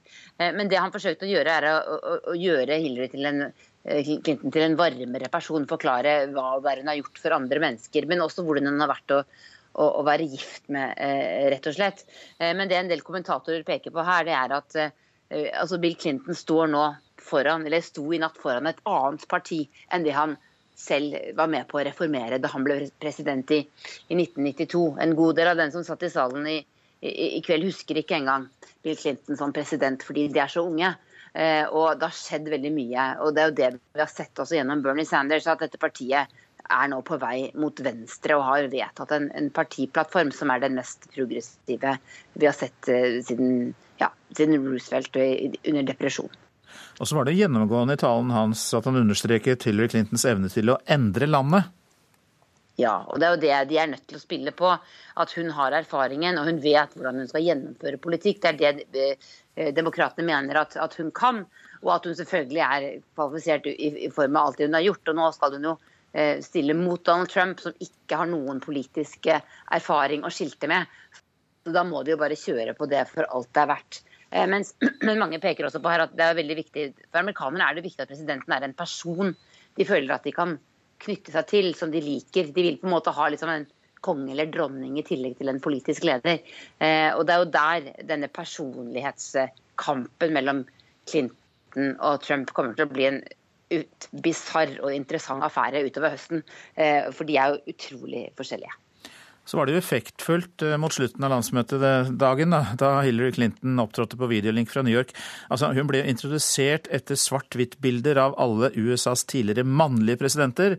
Så dukket hun selv opp i farger, da. Det var jo selvfølgelig helt bevisst eh, måte å presentere den første kvinnelige presidentkandidaten på. Ja, helt bevisst. Og hele kvelden i dag ble brukt nesten, i hvert fall de siste par timene, på kvinner Så fort hun var blitt, blitt, formelt nominert, så kom alle kvinnene som er valgt inn i, i Representantenes hus, opp på scenen og holdt appeller. Dette er en veldig historisk dag her i USA. Aldri har en kvinne blitt nominert til presidentkandidat for et av de to store partiene. Eh, og, det er viktig å understreke at, det er, en, en milepæl her. Og at det har vært tatt så lang tid før man har kommet dit. Det er jo ingen som har vært i nærheten av dette eh, tidligere. Så det kjørte Hillary Clinton på også da hun takket eh, på videolink i, i kveld. Og hun sa også, som dere hørte i innslaget, at sendte en hilsen til alle småjenter i USA og sa at nå kan dere nå kan dere bli president neste gang. Og det er klart at Vi vil nok se også, hvis hun skulle bli valgt, at, at hun kommer til å gjøre ting for kvinner, tror jeg i dette landet. Det er jo en del ting hvor USA ligger langt tilbake, f.eks. når det gjelder fødselspermisjon og den typen ting. Og det handler vel kanskje også om at man ikke har hatt mange nok mektige kvinnelige politikere som har frontet eh, disse sakene. Takk skal du ha, Tove Bjørgaas, med oss eh, midt på natta fra Philadelphia i eh, Pennsylvania. Vi holder oss eh, til dels innenfor samme tema, for klima- og miljøminister Vidar Helgesen sier det er viktig at en ny administrasjon i USA fortsetter det klimaarbeidet Obama-administrasjonen har innledet. Helgesen er til stede på det demokratiske landsmøtet i Philadelphia, og er bekymret for en mulig seier for Donald Trump i høstens presidentvalg. Jeg er bekymret dersom Trump eh, fastholder sin eh, sterke klimaskepsis, og det er det jo dessverre grunn til å tro at han vil gjøre, hvis du ser på partiprogrammet deres. Ehm, fordi det vi trenger nå, er fortsatt amerikansk lederskap. verden står ved et eh, veiskille. Parisavtalen er et kjempeskritt i riktig retning, men den skal implementeres. Og eh, uten amerikansk lederskap så kommer det til å bli veldig vanskelig. Klimaavtalen fra Paris sier at målet er at klimautslippene må reguleres slik at klodens gjennomsnittstemperatur ikke stiger mer enn to grader over nivået fra førindustriell tid. USA har undertegnet avtalen, men den er ikke ratifisert. I det republikanske partiprogrammet omtales kull som en ren energiform, og den republikanske presidentkandidaten Donald Trump sa i mai at han vil kansellere hele Parisavtalen i løpet av sine første 100 dager.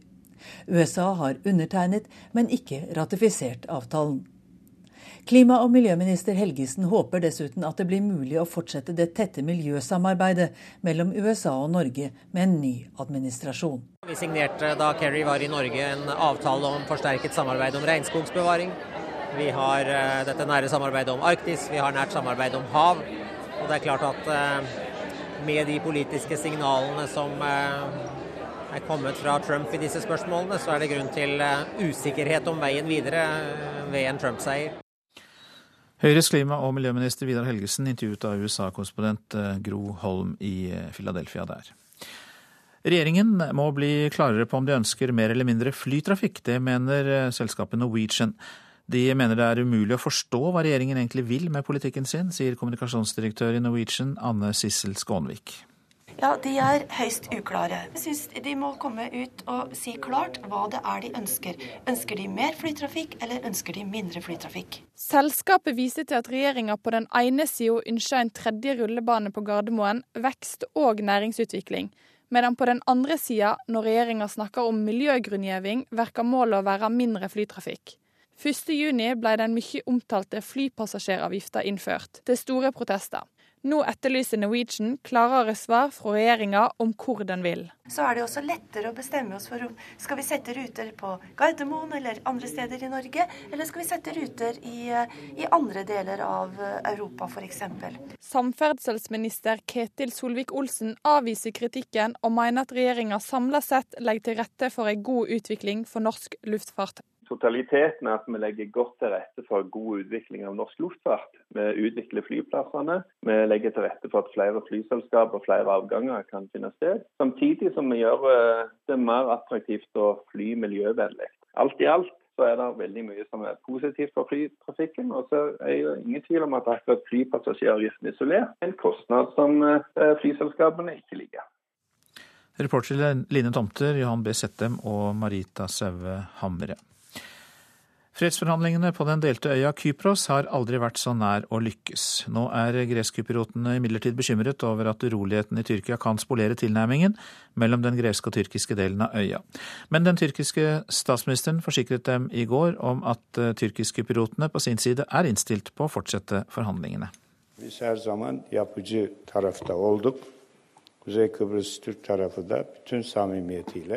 Tyrkisk-kypriotene har alltid vært på tilbudssida.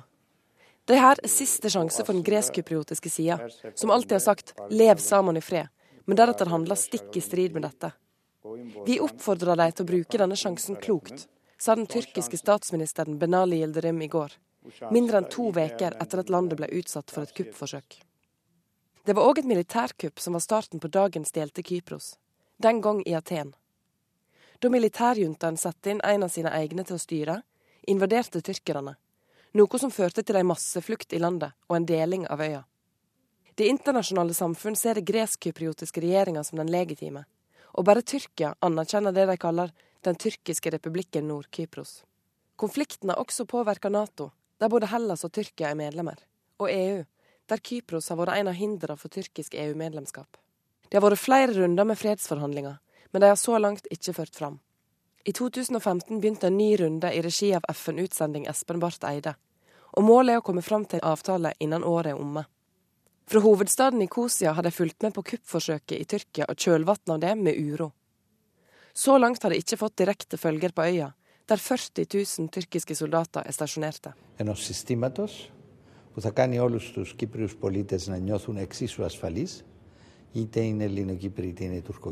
vi snakker om et system som vil gjøre kypriotene trygge, enten de er gresk-kypriotiske eller tyrkisk-kypriotiske. Og da er det selvsagt ikke rom for garantitraktaten eller tyrkiske styrker, sa Kypros utenriksminister på en pressekonferanse i Aten forrige uke. Det han sikter til, er traktaten som gir Storbritannia, Hellas og Tyrkia rett til å intervenere dersom Kypros sin suverenitet blir truga. Greskkypriotene vil ha vekk denne, og krever at Tyrkia trekker soldatene sine fra øya. Tyrkisk-kypriotene vil på si side ha tilgang til EU-middel, men òg gresk-kypriotene har økonomiske insentiv etter at de ble hardt råka av finanskrisa. Det er funnet gass rundt øya, og Tyrkia spiller en nøkkelrolle i å få utnytta denne. Og medan noen uroer seg, tror andre at kuppforsøket kan føre til fortgang i forhandlingene. James Kerr Lindsay ved London School of Economics tror at situasjonen i Tyrkia vil fungere som en vekker for den delte øya sa reporter Gunhild Årdal.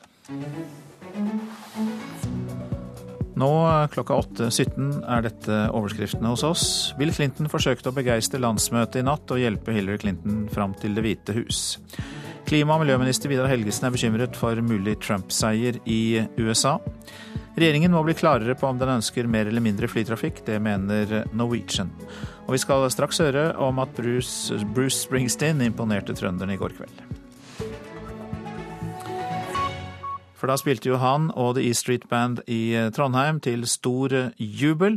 Den første av to konserter i Norge fant sted i Granåsen, og selveste The Boss imponerte både fremmøtte, i publikum altså, og anmelderne.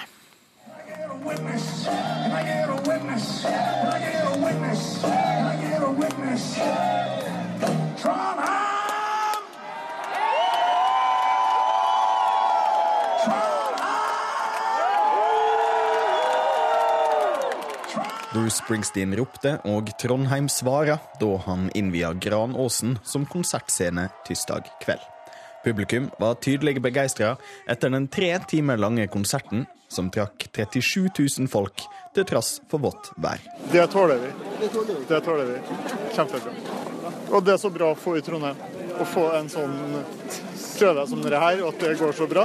Så får vi kanskje enda større. Jeg er blodfan, han er tvangsfan. Nei, for meg så er det alltid mer enn kjempefint. Du Ser litt sånn salig ut i blikket. Jeg er det bestandig når jeg har vært her. Ja. Hvor ofte har du vært på Bruce Springsteen-konserter? Her er 24.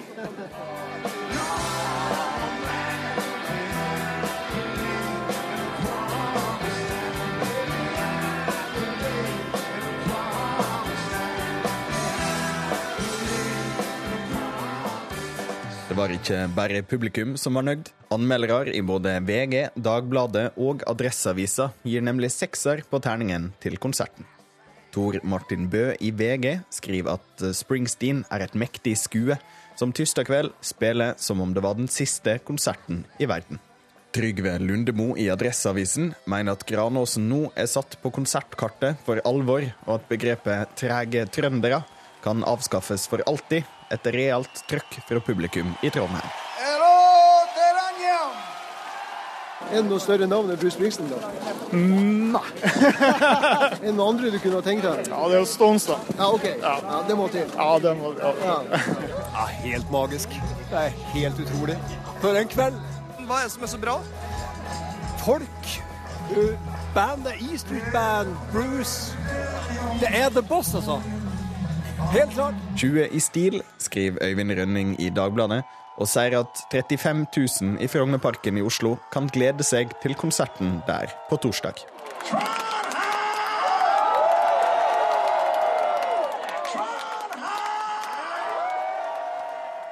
Og formidler av begeistring fra Granåsen var Andreas Hatzel Opsvik og Arne Christian Gansmo.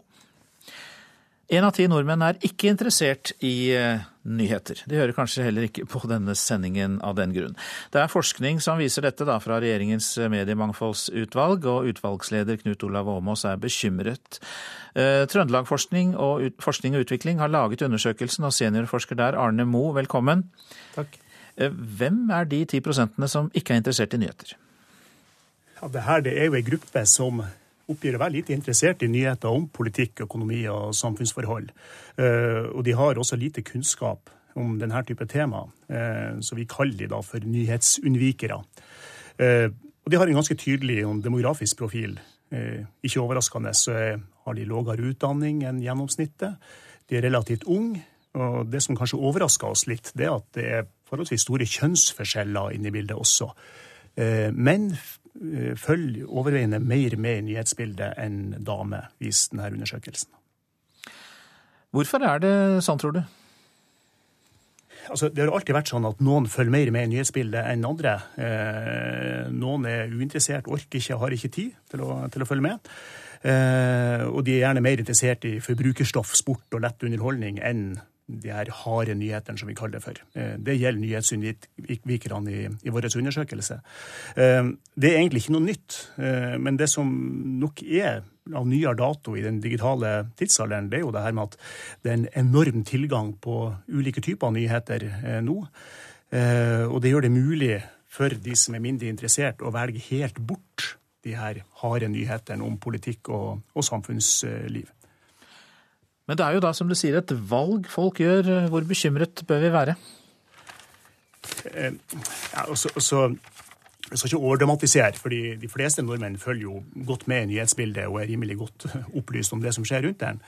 Jeg tror vi trenger mer forskning over tid før vi har grunnlag for eventuell bekymring. For vi må jo huske at utviklinga har gått veldig raskt. Det er ikke lenge siden de fleste av oss leste papiravis og ikke ante hva sosiale medier er for noe. Men den, altså hvis vi skal se litt på, eller eventuelt bekymre oss for fremtidas nyhetskonsum, så er det jo viktig å forstå hva som skjer blant ungdom og unge voksne, altså opptil 35 år. For vi ser jo at denne gruppa følger mye mindre med i det harde nyhetsbildet enn eldre grupper.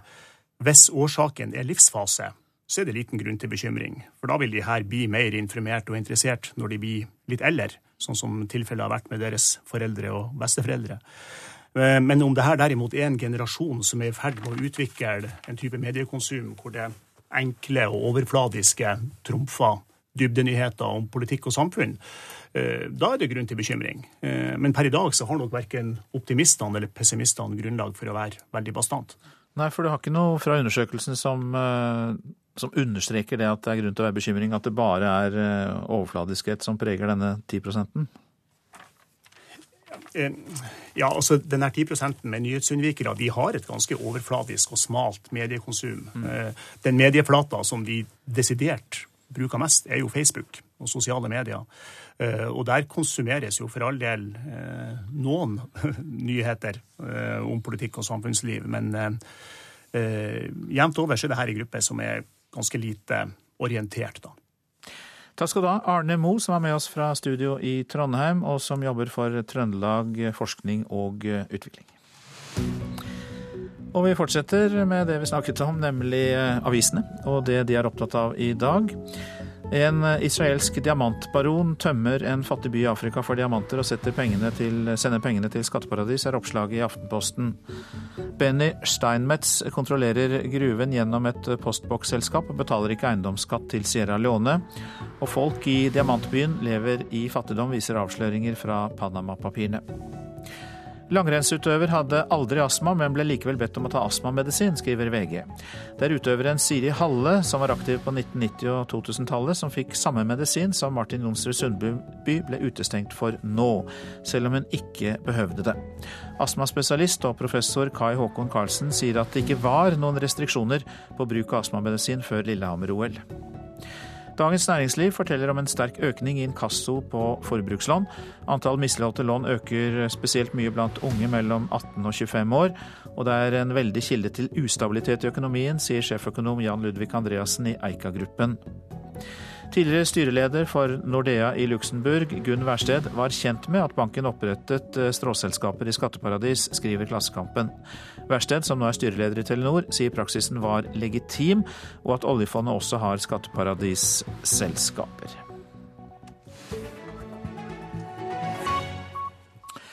Nå blir det gjort et nytt forsøk på å heve Roald Amundsens skip Maud opp fra havbunnen i Cambridge Bay i Canada. Prosjektleder Jan Wangård har lenge jobbet med å få Maud hjem, og endelig ser det ut til å lykkes.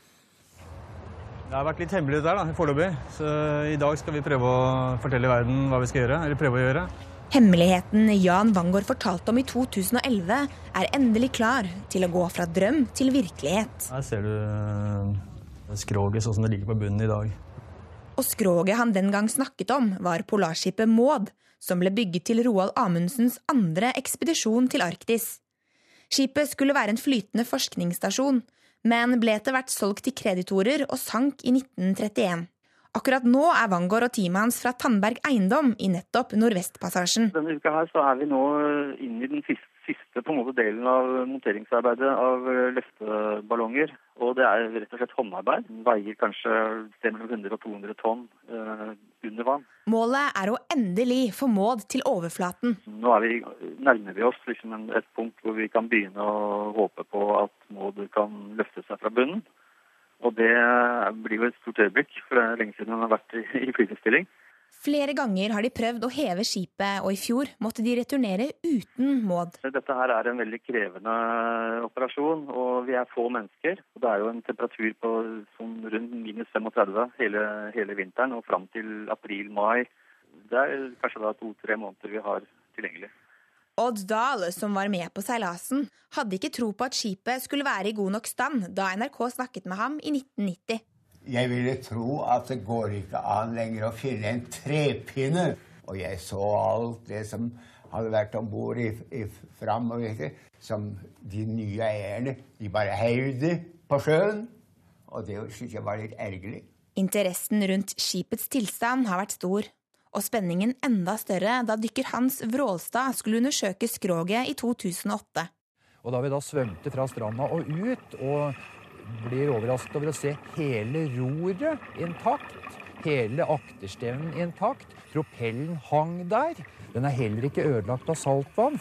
Og vi var målløse. Hvis det er mulig å smile til hverandre i dykkermaske, så gjorde vi det. Smile gjør også Wangård, som nå drømmer om å føre Maud tilbake samme rute som Amundsen førte henne mot Nordpolen. Vi jobber faktisk med å prøve å, seile vestover, altså gjennom Nordøstpassasjen tilbake. Det er samme ruta som Nåd ankom eh, her vi er nå. Så det ville vært en fantastisk mulighet til å kunne gjøre en eh, rekonstruksjon av, av den ruta, og kanskje besøke noen av de plassene hvor de overvintret. Hvor kommer ditt engasjement fra? Etter å bli litt kjent med historien eh, gradvis, så har jeg fått en veldig sterk følelse av at det, båten fortjener en annen skjebne enn det den fikk. Nå håper Wangård å få gi henne et hjem, og det endelige målet er volden i Asker, der hun seilte av gårde for snart 100 år siden. Det å kunne lage et hus til eh, Maud eh, som blir på en måte et slags eh, også et hvilested for Amundsens siste periode av livet, det var et fantastisk vitenskapelig arbeid som ble utført, og en, en viktig del av norsk, norsk kulturhistorie som folk kjenner veldig lite til. Reporter Karoline Berge Hammersmark. Etter Dagsnytt så skal vi den nærmeste halvtimen bl.a. snakke med den nye Norway Cup-generalen, som fra og med i år heter Tony Isaksen. Han er vår sommergjest, nemlig.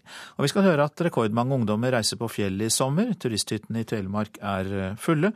Og vi skal høre mer om raset mellom Aurland og Gudvangen, som stenger veien i flere dager.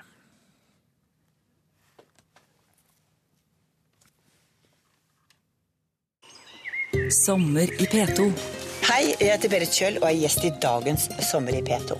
Jeg skal bl.a. fortelle deg om hvorfor det er viktig å være stille når du går i fjellet, opplevelsen av å bli tatt i snøskred, og hvordan det er å klatre store Skagastølstind med høydeskrekk.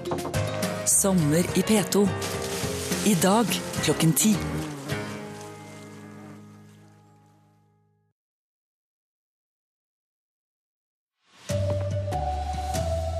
Milliardunderskudd for Statoil, lave olje- og gasspriser får skylda. Hillary Clinton er formelt valgt til USAs første kvinnelige presidentkandidat. Her er NRK Dagsnytt klokka 8.30.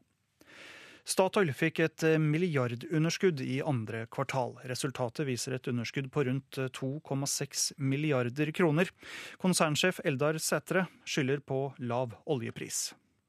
Statoil legger i dag frem et justert resultat før skatt på 913 milliarder dollar for, for kvartalet. Resultatet er selvfølgelig preget av fortsatt lave olje- og gasspriser. Delvis motvirket av veldig god driftsregularitet og gode resultater fra vårt forbedringsarbeid. Det sa konsernsjef Eldar Setre på pressekonferansen i morges. I USA er Hillary Clinton formelt utnevnt som demokratenes presidentkandidat. Hun er den første kvinnelige presidentkandidaten for et av de store partiene i USA. I en kort videohilsen til landsmøtet takket Hillary Clinton for nominasjonen. Thanks to you and to everyone who's fought so hard to make this possible. This is really your victory. This is really your night. And if there are any little girls out there who stayed up late to watch, let me just say I may become the first woman president, but one of you is next. Thank you all. I can't wait to join you. Ja, takk til alle som har jobbet hardt for dette, sa Clinton. Presidentkandidaten hadde også en egen hilsen til amerikanske jenter. Jeg blir kanskje USAs første kvinnelige president, men du kan bli den neste, sa Clinton. Minst 39 personer har mistet livet etter at kraftig nedbør har ført til jordskred og oversvømmelser flere steder i Nepal. Fjellene i Nepal har vært mer sårbare og utsatt for jordskred i forbindelse med nedbør, etter at landet ble rammet av et kraftig jordskjelv i april i fjor, som krevde nesten 9000 menneskeliv. En eh, mann i 50-årene døde etter et eh, slagsmål i Kongsvinger i går kveld. Mannen ble først sendt til eh, sykehus for behandling, men døde senere av skadene han fikk. Politiet har pågrepet og siktet en mann i 20-årene fra Kongsvinger, og Innlandet politidistrikt har bedt Kripos om bistand i etterforskningen. Og E16 er fortsatt stengt mellom Gudvangen og Voss etter det store steinraset i går ettermiddag. Raset førte til store skader på veien, men ingen mennesker ble skadd i raset. Det er fortsatt usikkert når veien kan åpne igjen. NRK Dagsnytt fikk du av Hans Christian Eide.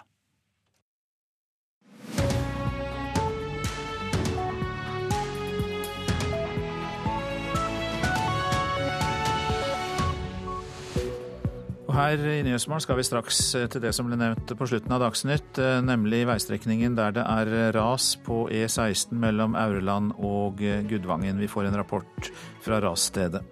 Det har vært en kraftig økning i antall inkassosaker pga. forbrukslån og kredittkort. Vi skal høre at Apple selger færre smarttelefoner, og den nye Norway Cup-generalen fra og med i år heter Tony Isaksen. Han er vår sommergjest i den neste halvtimen. Ja, det var jo store steinblokker som raste ned på E16 i Sogn og Fjordane tirsdag ettermiddag. Veien mellom Auland og Gudvangen blir jo stengt i flere dager. Flenjatunnelen, Gudvangatunnelen, Stalheimstunnelen er alle stengt pga. steinras, som altså gikk like ved Gudvangen.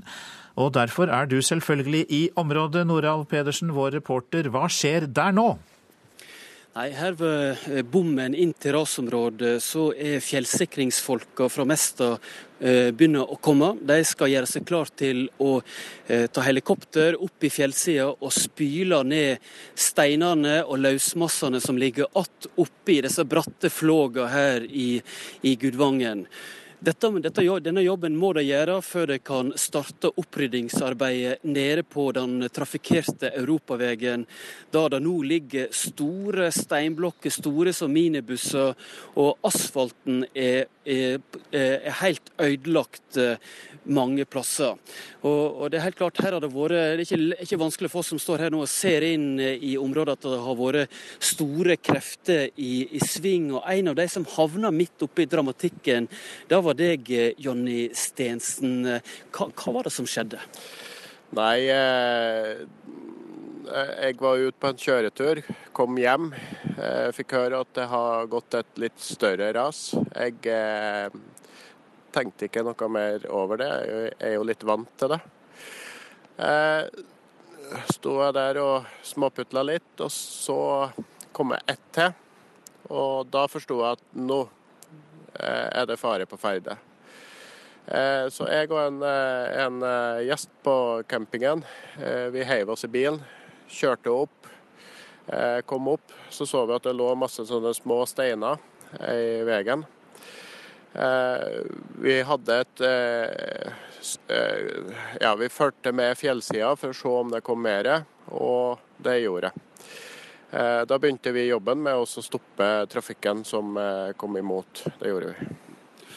Og På nrk.no på nettsida vår kan vi se dramatiske bilder fra når du står og dirigerer store vogntog som er på vei inn der steinene kommer brasende, brasende ned. For, for, steinene kom like ved deg, Stensen. Ja, jeg eh, har sett bildet der jeg eh, ringte til politiet og så meldte ifra. Jeg, jeg var i telefon. Jeg tror Stein var en 10-20-30 meter bak meg. Eh, så det var nok kanskje litt mer dramatikk enn det jeg eh, følte at det var der når jeg sto oppe i situasjonen. Og Det var mange biler som sto i kø og var på vei inn i rasområdet. Hva, hva kunne ha skjedd med dem, tror du?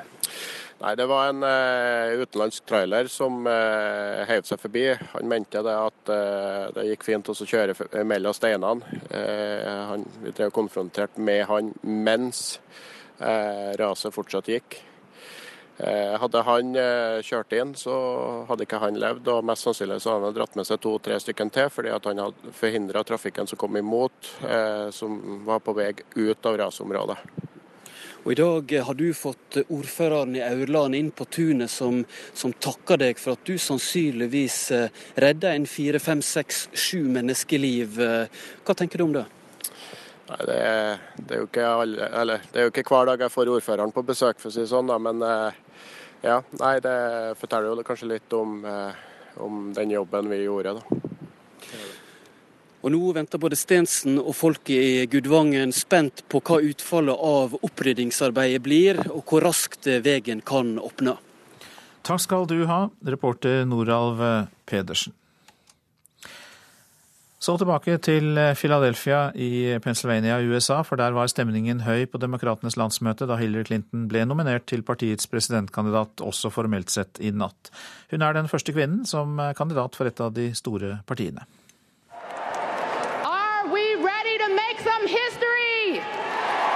Er ni redo att skapa historia, ropade konventets ordförande och den omständliga, traditionstyngda och festliga proceduren var igång. I know you're watching. This one's for you, Hill. 98. När det var dags för Hillary Clintons födelsestat Illinois brast hennes barndomsvän i gråt när hon fick meddela att Clinton segrat där och överhuvudtaget dallrade konventet av känslor under delegaträkningen. Every state that goes by just ripping band-aids. It's, it's heartbreaking because Ja, den här unga Sanders-supportern kände det som att ett plåster slets av från hennes kropp för varje delstat som deklarerade att Clinton segrat. Särskilt som nomineringen enligt hennes och flera andras uppfattning stulits från Sanders. En misstanke som stärkts efter den senaste veckans avslöjande att den demokratiska partiledningen från start favoriserat Clinton och försökt bromsa Sanders primärvalsframgångar. Bernie Sanders skrev själv historia när han begärde att hans delegater skulle övergå till Clinton och att hon skulle väljas med akklamation, alltså av ett enigt konvent. And I move that Hillary Clinton be selected as the nominee of the Democratic Party for President of the United States. Så blev det och saken var klar och USA fick den första kvinnliga presidentkandidaten som har en realistisk chans att vinna Vita huset. Skulle Clinton vinna över Donald Trump i höst får landet även sin första manliga presidentpartner. Bill Clinton skulle bli First Gentleman, eller USAs första herre. En helt annan och ny roll än vad denne tidigare amerikanske president hittills varit van vid. När Bill Clinton i natt höll sitt konventtal till sin presidentkandidat och fru handlade det också för en gångs skull mycket lite om honom själv och nästan uteslutande om henne, både som person och som politiker. Darn changemaker I have ever known. Under denna den andra av Demokraternas konventdag fick också frågan om dödligt polisvåld mot framförallt svarta amerikaner stort utrymme. Efter att Clinton formellt nominerats gick nio kvinnor upp på scenen, mammor till afroamerikaner som dött efter ingripanden och som nu blivit en del av Hillary Clintons valkampanj. Geneva Reed Veal sa att hon väljer Clinton för att hon är någon som lyssnar och som inte tvekar att prata om hennes och andras döda barn. Who will say our children's names? Allra sist i natt gjorde Hillary Clinton en Donald Trump. Hon skickade en hälsning via videolänk och tackade det konvent hon kommer att tala till natten till fredag. Thanks to you and to everyone who's fought so hard to make this possible. This is really your victory. Agneta Furvik i Philadelphia. Og hun jobber for eh, Sveriges Radio. Det har vært en kraftig økning i antall inkassosaker fra forbrukslån og kredittkort bruk. Det skriver Dagens Næringsliv. Og de unge står for mange av inkassosakene. Denne utviklingen er et varsko, ifølge inkassoselskapene. Vi drar kredittkortet og tar opp forbrukslån. Men stadig flere av oss sliter med å betale tilbake, skriver Dagens Næringsliv i dag. Nordmenn har samlet forbrukslån for rundt 90 milliarder kroner, og inkassoselskap melder om en kraftig økning i inkassosaker fra forbrukslån og kredittkort. Hos Norges største inkassoselskap Lindorf har nettopp slike saker vokst med en tredjedel på bare ett år. Utviklingen er et varsku om at man bør passe bedre på, sier administrerende direktør Anette Wilhelmsen til Dagens Næringsliv. Veksten er størst på Vestlandet. I Rogaland har antall saker knyttet til forbrukslån og kredittkort vokst med 50% det siste året. Og det er unge som står for mange av inkassosakene. Hos Lindorf er det de mellom 25 og 45 som har størst andel av inkassosaker, også knyttet til forbruksgjeld. En oversikt fra inkassoselskapet Kredinor viser at veksten i inkassosaker har økt særlig blant personer mellom 18 og 25 år. Forbrukslån og kredittkort er gjengangere når unge havner i betalingsvansker. Blant unge er kunnskapen om personlig økonomi helt åpenbart ikke bra nok, sier administrerende direktør Tor Berntsen i Kredinor til Dagens Næringsliv. Reporter Milana Knesjevic. Selskapet Apple solgte flere smarttelefoner i tredje kvartal enn markedet ventet på forhånd, men samtidig fortsetter iPhone-salget å synke. Ifølge nyhetsbyrået Reuters skyldes nedgangen delvis at kineserne ikke er like ivrige kunder som før. Forrige kvartal opplevde den amerikanske teknologigiganten Apple noe de aldri hadde opplevd før. Salget av den populære smarttelefonen iPhone gikk ned. Og trenden fortsetter, viser børsmeldinga for tredje kvartal. Selskapet solgte 40,4 millioner iPhones, en nedgang på 15% sammenlignet med samme periode i fjor. Det er særlig lavere interesse i Kina, det som skulle bli selskapets nye store marked, som bidrar til nedgangen. Ifølge Reuters skyldes det delvis dårligere økonomi i verdens mest folkerike land. En annen forklaring er at kineserne beholder telefonene sine lenger enn før. Det å bytte ut med den siste og nyeste modellen så snart den kommer i butikken, er ikke like viktig lenger. Siden iPhone er Apples klart mest populære produkt, den står for to tredjedeler av selskapets totale salg, gjør fallet et kraftig innhugg i selskapets økonomi.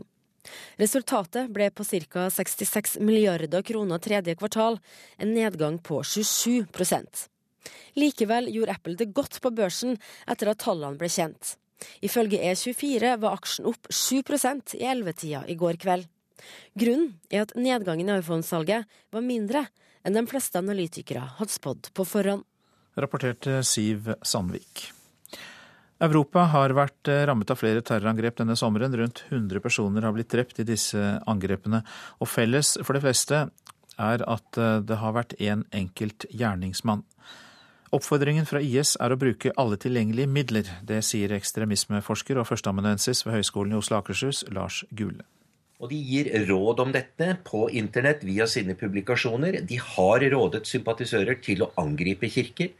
Et eh, slikt angrep ble avverget i fjor, og det var eh, til og med med skytevåpen. og Da var eh, gjerningspersonen han skjøt seg selv i foten, bokstavelig talt, og dermed ble dette oppdaget, og angrepet på eh, en kirke som han hadde planlagt, ble avverget. Vi har også sett angrep på kristne i Midtøsten, i Nord-Afrika. Dette er en del av strategien for å fjerne de grå områdene. Det handler om krigen mot korsfarerne, mot de kristne. Og i hovedsak for Frankrikes vedkommende så handler det om å øke spenningen i samfunnet og splittelsen mellom muslimer og ikke-muslimer i Frankrike. Så det er å bygge opp en kamp eh, mot det kristne Europa også, da? Ja, det er kalifatet mot resten, og det er eh, korsfarerne, det er det kristne Vesten som er den mektigste motstander, og derfor er det også viktigst å konfrontere eh, det kristne Vesten, slik IS ser det. Hvilke muligheter har da politi og sikkerhetstjeneste for å avdekke slike enkeltterrorister før de eh, går til handling? Svært begrensede muligheter. Det er klart at Dersom noen står i kontakt med IS, får direkte ordre, så finnes det kommunikasjoner som kan overvåkes gjennom eh, på ulike vis, avlyttes osv. Da finnes det visse muligheter for å kunne oppdage og avverke. Men hvis en person eh, følger med på internett, lar seg inspirere av nyheter, hva som skjer, og velger å gå i en tidligere attentatpersons eh, fotspor, så er det forferdelig vanskelig å oppdage. Må vi venne oss til et mer usikkert Europa? Vi har lenge levd i uh, usikkerhet. Uh, og hvis man teller antall terrorangrep, så er det ikke så sikkert at det er veldig mange flere uh, nå på, i det nye århundret enn det det var f.eks. på 1970- og 80-tallet. Men vi har et sterkere fokus på dette gjennom effektive nyhetskanaler, satellittkanaler, døgnet rundt nyhetsrapportering, og ikke minst de sosiale mediene. Det er noe av det som gjør at vi får et inntrykk av at uh, dette er veldig mye mer omfattende uh, enn det det har vært tidligere.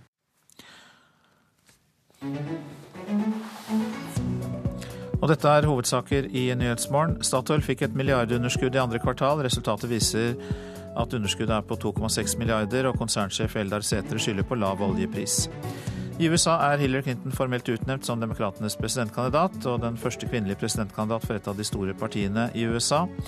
En mann i 50-årene døde etter et slagsmål i Kongsvinger i går kveld. Mannen ble først sendt til sykehus for behandling, men døde senere av skadene han fikk.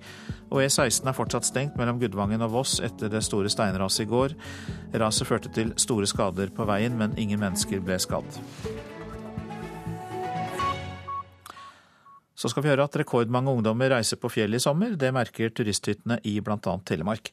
Noen er lei av strandlivet, andre bruker da fjellturen til å publisere skrytebilder på sosiale medier. Vi er på vei fra Finse til Rjukan, og den lå perfekt til for å stoppe og spise lunsj. Vinduets beste pizza. Lars Erik Linjem og Henriette Tronsen er to av de som har besøkt hytta for å nyte en varm lunsj. Paret har som mange andre unge denne ferien valgt bort utlandet og tilbringer heller ei uke på fjellet. Vi bor jo ved sjøen, så vi har jo det resten av året. Så nå ønsker vi en litt annen ferie. Litt ferdig med sydenferier og charter. En undersøkelse TNS Gallup har gjort for Den norske turistforeninga, viser at 58% av ungdom mellom 15 og 29 år har sagt at de skal på fjelltur i sommerferien. Og Kjersti Vøllo på Kallov turisthytte har lagt godt merke til denne utviklingen. Ja, og de, eh, de, er veldig selvgående veldig flinke. Altså De har ofte med seg telt, og, men kommer innom og koser seg på hytta og føler at de har fortjent det meste, eh, for de har lagt flere mil bak seg. Leder i DNT Ung Tina Skare tror årsaken til at ungdommer nå velger naturen, er fordi den er tilgjengelig for alle, og det er billig.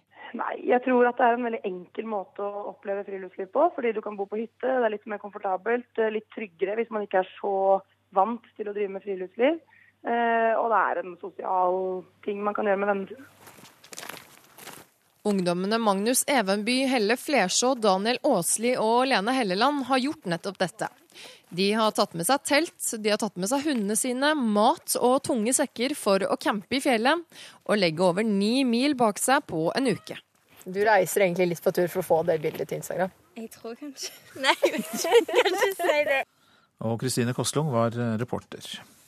Statoil gikk på en resultatsmell andre kvartal i år. Underskuddet før skatt er på rundt 2,6 milliarder kroner, og det er større enn ekspertene hadde ventet på forhånd. Resultatet er selvfølgelig preget av eh, fortsatt lave olje- og gasspriser. Sa konsernsjef Eldar Setre under pressekonferansen i Oslo for kort tid siden. Statoil legger i dag frem et eh, justert eh, resultat før skatt på 913 milliarder dollar for, for kvartalet. Det er langt mindre enn på samme tid i fjor. Da var resultatet 2,9 milliarder dollar.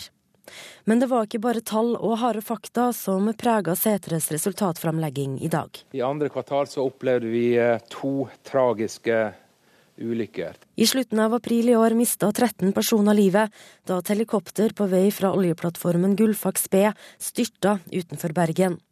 I starten av mai døde en arbeider av skadene han pådro seg i en arbeidsulykke på et Statoil-rigg i Sør-Korea.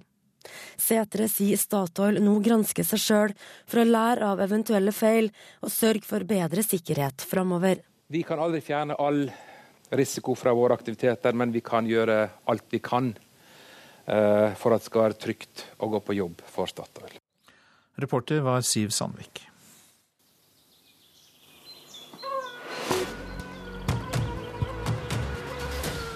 Dagens sommergjest. Årets Norway Cup-turnering starter på Ekebergsletta i Oslo til helgen. Det har skjedd hvert år siden 1972, men nytt av året er at Frode Kyvåg ikke lenger er sjef for verdens største fotballturnering. I stedet har du overtatt. Tony Isaksen, velkommen. Tusen takk. Hvordan ligger dere an til å ta imot tusenvis av spilleglade barn og unge? Ja, nå ligger vi veldig godt an. Jeg har faktisk en ganske god hvilepuls. Vi har en eh, veltrimma organisasjon på rundt 1500 frivillige som har jobbet eh, delvis eller helt gjennom hele året. Eh, og nå går egentlig alt på skinner. På lørdag så braker det løs med en åpningsparade klokka 17 og en åpningskonsert klokken 18. Og for meg så har egentlig Norcup allerede startet. I går så ankom det første laget fra Afrika. Hvordan er det å overta etter en meget profilert person som holdt på i 40 år, Frode Kyvåg? For meg så er det å overta Norway Cup en så utrolig spennende jobb. Er, jeg går jo dit med ydmykhet. Det er en av de beste jobbene man kan ha i Idretts-Norge i dag. Eh, og for meg så syns jeg dette er helt herlig. Men var det vanskelig å overta siden Kyvåg vel egentlig ikke ville slutte? For meg så var det fokus på å se på hva som var bra i Norway Cup, og så var det å rett og slett se på hva som kunne gjøres bedre. Og eh, for meg så har det ikke vært noe utfordring sånn sett. Jeg bare sier at det er et kjempebra fundament som er lagt der gjennom nesten 50 år, og så er det å bygge videre på det.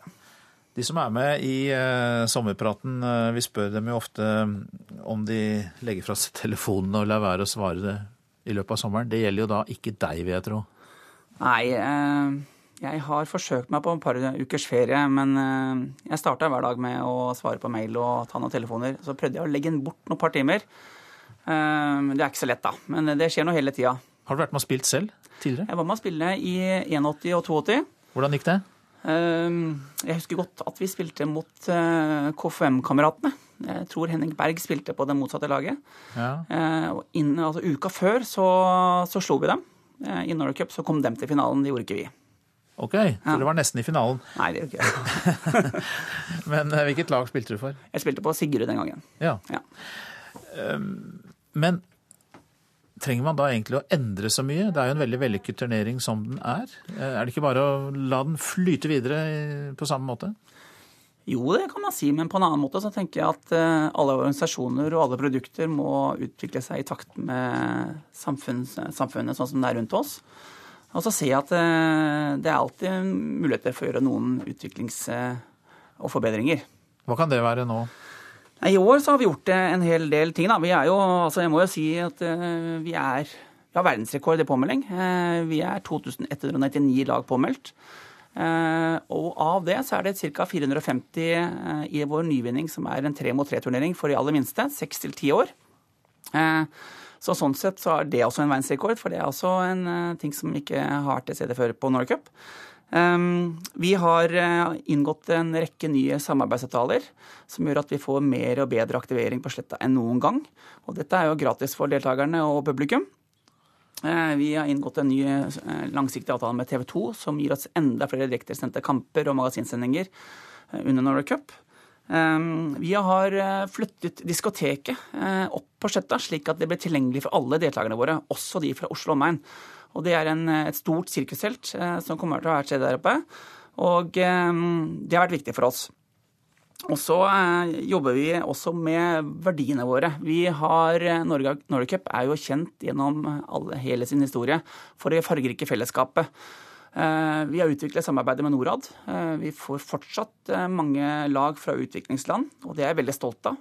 Inkludere en veldig viktig verdi for oss.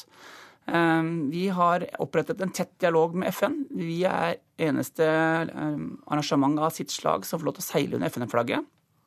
Og vi har opprettet en veldig god dialog med FNs spesialrådgiver for idrett, utvikling og fred, hvor vi jobber med konkrete prosjekter. I år så ruller vi ut et egne temadager som går på FNs bærekraftsmål. Og Det er da eksempelvis jenter, hvordan vi skal ivareta jenter i idretten og sørge for at de ikke forsvinner. Miljøfokus, inkludering etc. Og I tillegg så er jeg veldig stolt av et annet ting, et samarbeid som vi har gjennomført i år, og det, eller som gjennomfører i år. Det er samarbeid med Barne- og familieetaten. Hvor vi sammen inviterer enslige mindreårige barn som kommer alene, som kanskje har gått gjennom hele Europa, gått gjennom hele Europa, og kommer hit helt alene, under 15 år, og inviterer dem ned da, sammen med idrettsklubber skal, eller idrettslag som skal være med inn i Norway Cup, inn i oppkjøringen og i arrangementet. Og målet er jo å få et fosterhjem til disse her. Mange takk skal du ha for all denne interessante informasjonen om Norway Cup, Tony Isaksen, som altså er den nye lederen av året, og som setter i gang denne gigantturneringen med 2199 lag, som han sa, til helgen.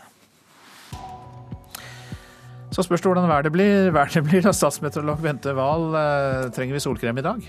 I dag trenger du i hvert fall ikke noe solkrem. Det blir i hvert fall veldig få steder at sola titter fram, og det blir så kortvarig at jeg tror man klarer seg uten. Men bør vi også da kle på oss og være budd på at seinsommer? Det er vel for tidlig å snakke om det, kanskje? Ja, det er i hvert fall kjøligere. I går så var det jo 28 grader i Nordland, og i dag kryper det ned mot 10 grader. Og hvis vi da tar været også, så kan vi starte på Spitsbergen. og Der blir det i hvert fall oppholdsvær i dag, men stedvis noen tåkeskyer og en 6-7 grader. Troms og Finnmark der blir det skya perioder med regn og nordøst opp i liten kuling på kysten. Og i går hadde de 26 grader i Innlandet, i dag kryper det under 20, tenker jeg. Og i Nordland så er det allerede regn, og dette drar seg nordover da mot Troms. Og det blir etter hvert oppholdsvær, kanskje litt sol i sør, men Ofoten og Vesterålen de får nok regnet mesteparten av dagen. Og det synker nok med fort til 10 grader i innlandet her også. Trøndelag får kanskje det beste været i dag. Oppholdsvær stort sett og perioder med sol. Og så kan det da komme inn litt skyer lengst sør i kveld. Mens Vestlandet allerede har det ganske vått, og her blir det lokalt mye nedbør i Rogaland og Hordaland. Og etter hvert drar nedbøren seg nordover i Møre og Romsdal også. Fjellet får det grått og vått, eh, og nedbøren er på vei inn i Vest-Agder. Vil etter hvert dra seg inn i Aust-Agder og Telemark, mens Østlandet her får vi nok bare noen spredte byger mye av dagen, før denne nedbøren da kommer eh, vestfra og sørfra og drar seg over oss da sent i kveld og i natt, tenker jeg. Ja, det var Bente Wahl med det siste om været. Tonje Isaksen, du sitter jo fortsatt i studio et par sekunder på tampen her. Hvordan takler dere dårlig vær hvis det bøtter ned? Vi har eh, en beredskap på dette her. Eh, vi har, eh, I Oslo så er det over 100 kunstgressbaner. Så vi har reservebaner rundt hele Oslo. Og så har vi en ordentlig beredskap i forhold til å forflytte oss. Men klart, en av utfordringene i Oslo i denne uka som kommer nå, det er de trafikale utfordringene i Brustunnelen og Oslo S. Mer trafikktrøbbel enn værtrøbbel. Tusen takk skal dere ha begge to. Tone Isaksen, som er sjef for Norway Cup, og statsmeteorolog Bente Wahl. Og så gjenstår for meg å fortelle at vi er jo et team som lager denne sendingen. Ansvarlig Arne Fossland. Produsent Marit Selmer Nedrelid. Teknisk ansvarlig det var Eli Kyrkjebø. Og her ved mikrofonen i dag Øystein Heggen. Takk skal dere ha.